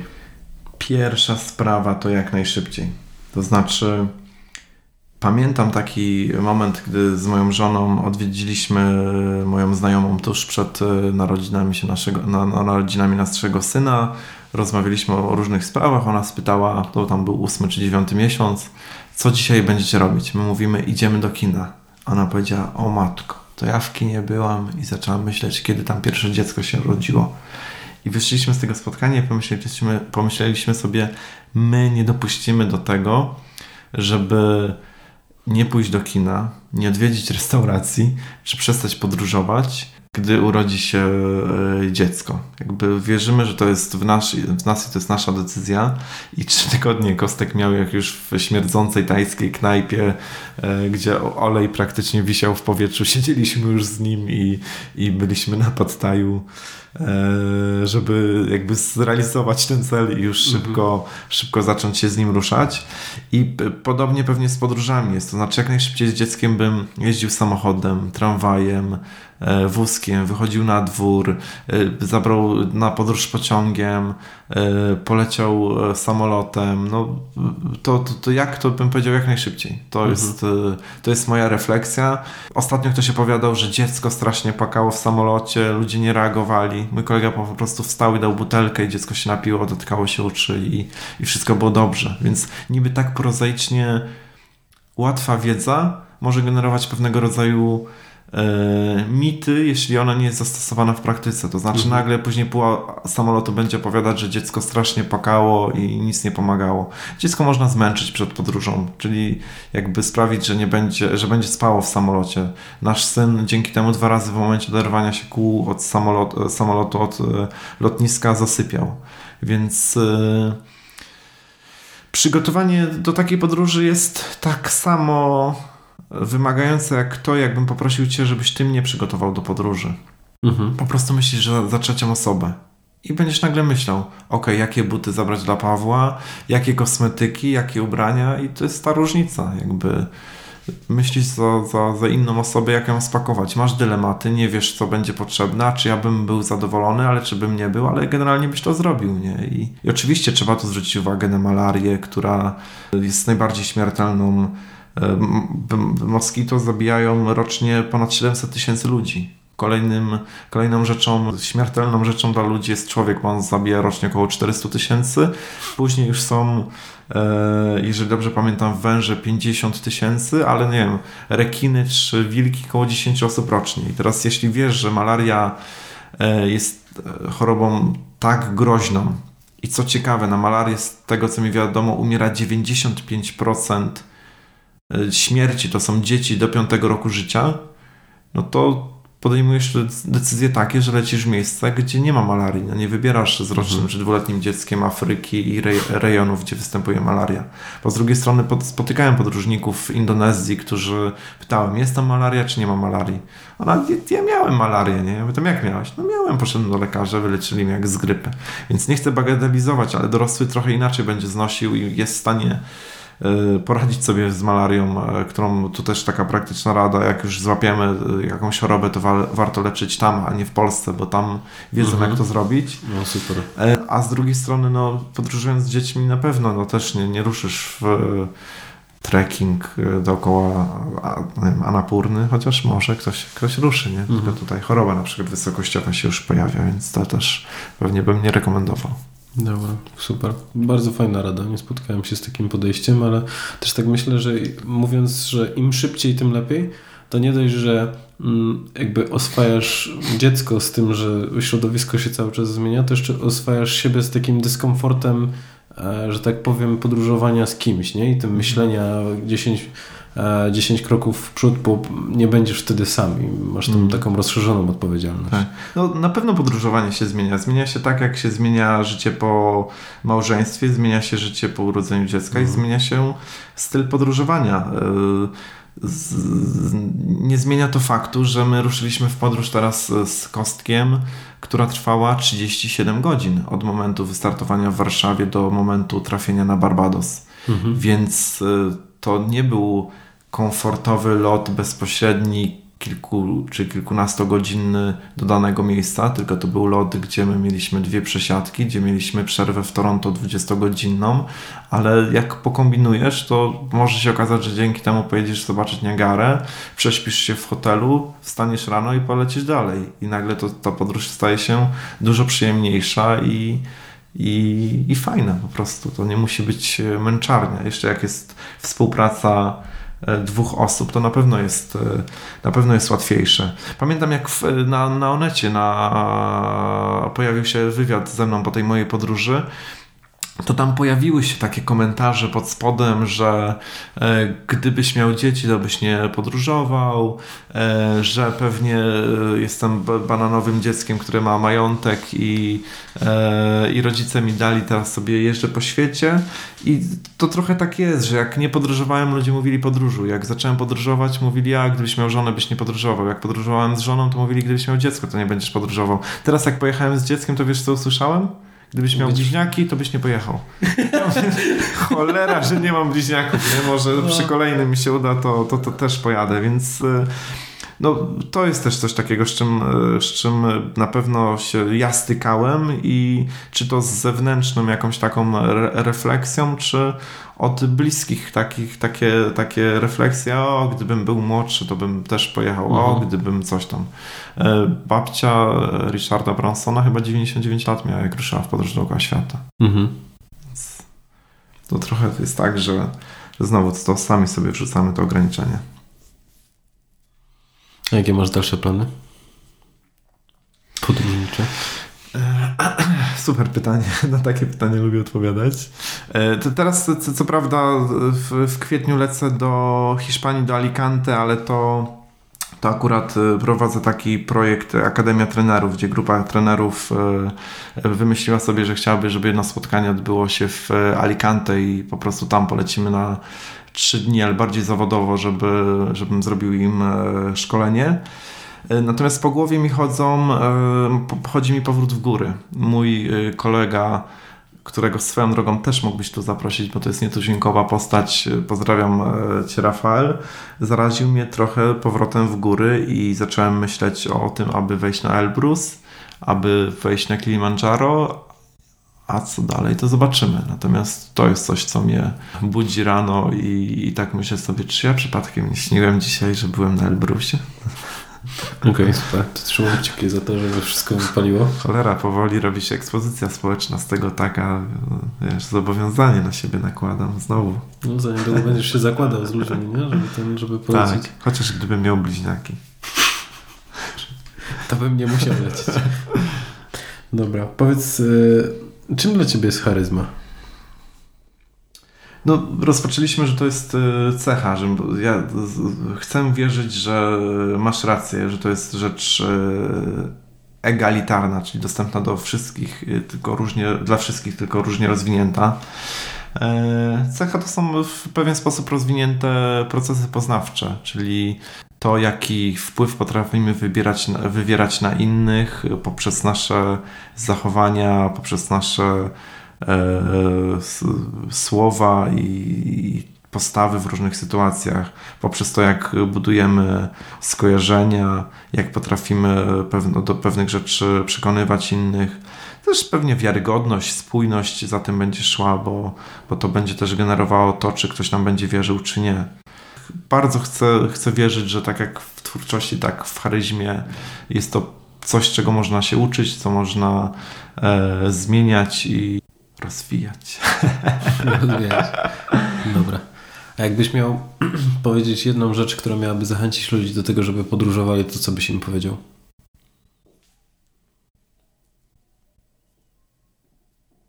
Wiesz co, nie mam pojęcia teraz.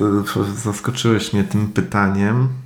To też myślę, że mógłbyś śmiało skorzystać z Twojego doświadczenia, z tego, czego E, tobie brakowało, zanim podjąłeś tę decyzję, albo co mogłoby cię ośmielić, żebyś, wiesz, zaczął robić to szybciej? Co mogłoby mnie ośmielić, żebym zaczął robić to szybciej? Mhm. Wiesz co, chyba nic. Mam wrażenie, że na tamtym etapie e, mnie by niewiele pomogło, czyli sygnały z boku, e, rady, pchnięcia do przodu, zachęcenia by niewiele dały, bo to musiało coś we mnie e, pyknąć. Wydaje mi się, że to, co powiedziałeś, jeżeli wiesz, nie znajdujesz odpowiedzi, to ja znalazłem wielką wartość w tym, w tym drugim stwierdzeniu, że to musiało dojrzeć w tobie. Mhm. Że może czasami nie, nie warto dawać rad, nie? Nie mówić, e, dobra, jedź teraz, bo wiesz, jak się pojawią dzieci, to, to nie będziesz mhm. mógł, nie? Tylko, że ta decyzja jakby powinna być powodowana tym, co się dzieje w nas, a nie tym, jak, jak działa na nas środowisko. No rzeczywiście, ja nawet tego nie powiedziałem, ale tak pomyślałem sobie, że nawet takie rady mogłyby źle na mnie wpływać. Mhm. Więc to, to, to, rzeczywiście może coś, coś w tym być, co powiedziałeś. Okay, dobra. Mm, a gdzie ludzie mogą Cię znaleźć? Jeżeli ktoś chciałby się z Tobą skontaktować, w sensie w sieci najlepiej, najłatwiej. Jestem użytkownikiem social mediów. Mhm. Znajdą mnie y, wszystkie osoby zainteresowane na Facebooku. Serdecznie zapraszam do dzielenia się swoimi refleksjami, zadawania pytań, może podpowiadania mi, jak zdobyć Elbrus czy Kilimandżaro, e, zachęcania do odwiedzenia miejsc, w których nie byłem. Wszelkie próby kontaktu ze mną e, powinny odnieść e, sukces, więc będzie mi bardzo miło, jeśli ktokolwiek napisze i, i będzie, będzie chciał podyskutować o, o podróżowaniu, czy cokolwiek mu przyjdzie do głowy. Było ostatnie pytanie, które chciałem Ci zadać, e, więc dziękuję serdecznie, że, że wpadłeś i podzieliłeś się tym wszystkim. Dziękuję i mogę podzielić się na koniec e, jeszcze jedną taką refleksją. No, śmiało. E, ta refleksja dotyczy ciebie. Tak pomyślałem sobie, że byłbyś świetnym podróżnikiem, bo z jednej strony jesteś bardzo otwarty na ludzi i pozytywnie nastawiony, a to jest ważna cecha, a z drugiej strony cechujesz się profesjonalizmem i taką perfekcją w działaniu. To tak jak mówię, od, od maila, którego wysyłasz po, e, po przygotowanie do podcastu i do tego, co robisz. Więc myślę sobie, że skoro tak ważne jest e, czasem przygotowanie do podróży, to, to byś mhm. się świetnie tym, w tym odnalazł. Ja się odnajduję, znaczy wiesz, bardzo miło mi to słyszeć, ale problem z moim podróżowaniem jest to, że jestem straszną księżniczką co do, okay. co do podróżowania. Więc ja jakby... Y obniżam te wymagania e, tego, jak ja sobie wyobrażam podróż. Znaczy, też, żeby nie zabrzmiało to źle. Nie jestem człowiekiem, który nigdy w życiu nie spał w namiocie i nie korzystał z Toytoja, z którego korzystało 100 osób wcześniej. E, ale jeżeli mam wybór, to wybieram e, jakby taki inny rodzaj podróży. Nie? Mhm. Ale zdaję sobie sprawę z tego, z tych kilku rzeczy, o których wspomniałeś. Na przykład to co, to, co do mnie mocno trafiło, to to, że lepiej podróżować samemu. Bo ja na przykład w, zeszłym, e, w zeszłe wakacje postanowiłem sobie zrobić taką podróż po wielkich polskich miastach i wybrałem się sam. I to były jedne z najlepszych wakacji w moim życiu pod względem takiego, wiesz, możliwości prze, przebywania ze sobą, nie? Fajnie, fajnie. To gratuluję e, pomysłu i tego, że, e, że go zrealizowałeś. Tak jak myślę o tym, co mówisz, to myślę sobie, że inne benefity związane z podróżowaniem mogłyby zrekompensować ci mhm. ten namiot, czy guest house, czy okay. cokolwiek innego. Dobra. No dobra. To dziękuję bardzo jeszcze raz. Dzięki wielkie, pozdrawiam serdecznie. Ale zanim się pożegnamy, spakujecie plecak i wyruszycie w podróż, to zapraszam Was serdecznie do tego, żebyście dzielili się swoimi opiniami na temat podcastu. Co Wam się podobało, co warto byłoby zmienić i przede wszystkim, kogo chcielibyście jeszcze tutaj posłuchać. E, ja jestem bardzo otwarty na wszelkie sugestie, zwłaszcza, że ten podcast jest tworzony specjalnie dla Was, albo chciałbym, żebyście go tworzyli razem ze mną. No i zapraszam również na moje social media, na Instagrama, Facebooka czy LinkedIn, gdzie będziecie z podcastem charyzmatycznym na bieżąco. Dzięki wielkie za to, że spędziliście ze mną ten czas. Mam nadzieję, że Wam się podobało. Do usłyszenia w następnym odcinku. Cześć!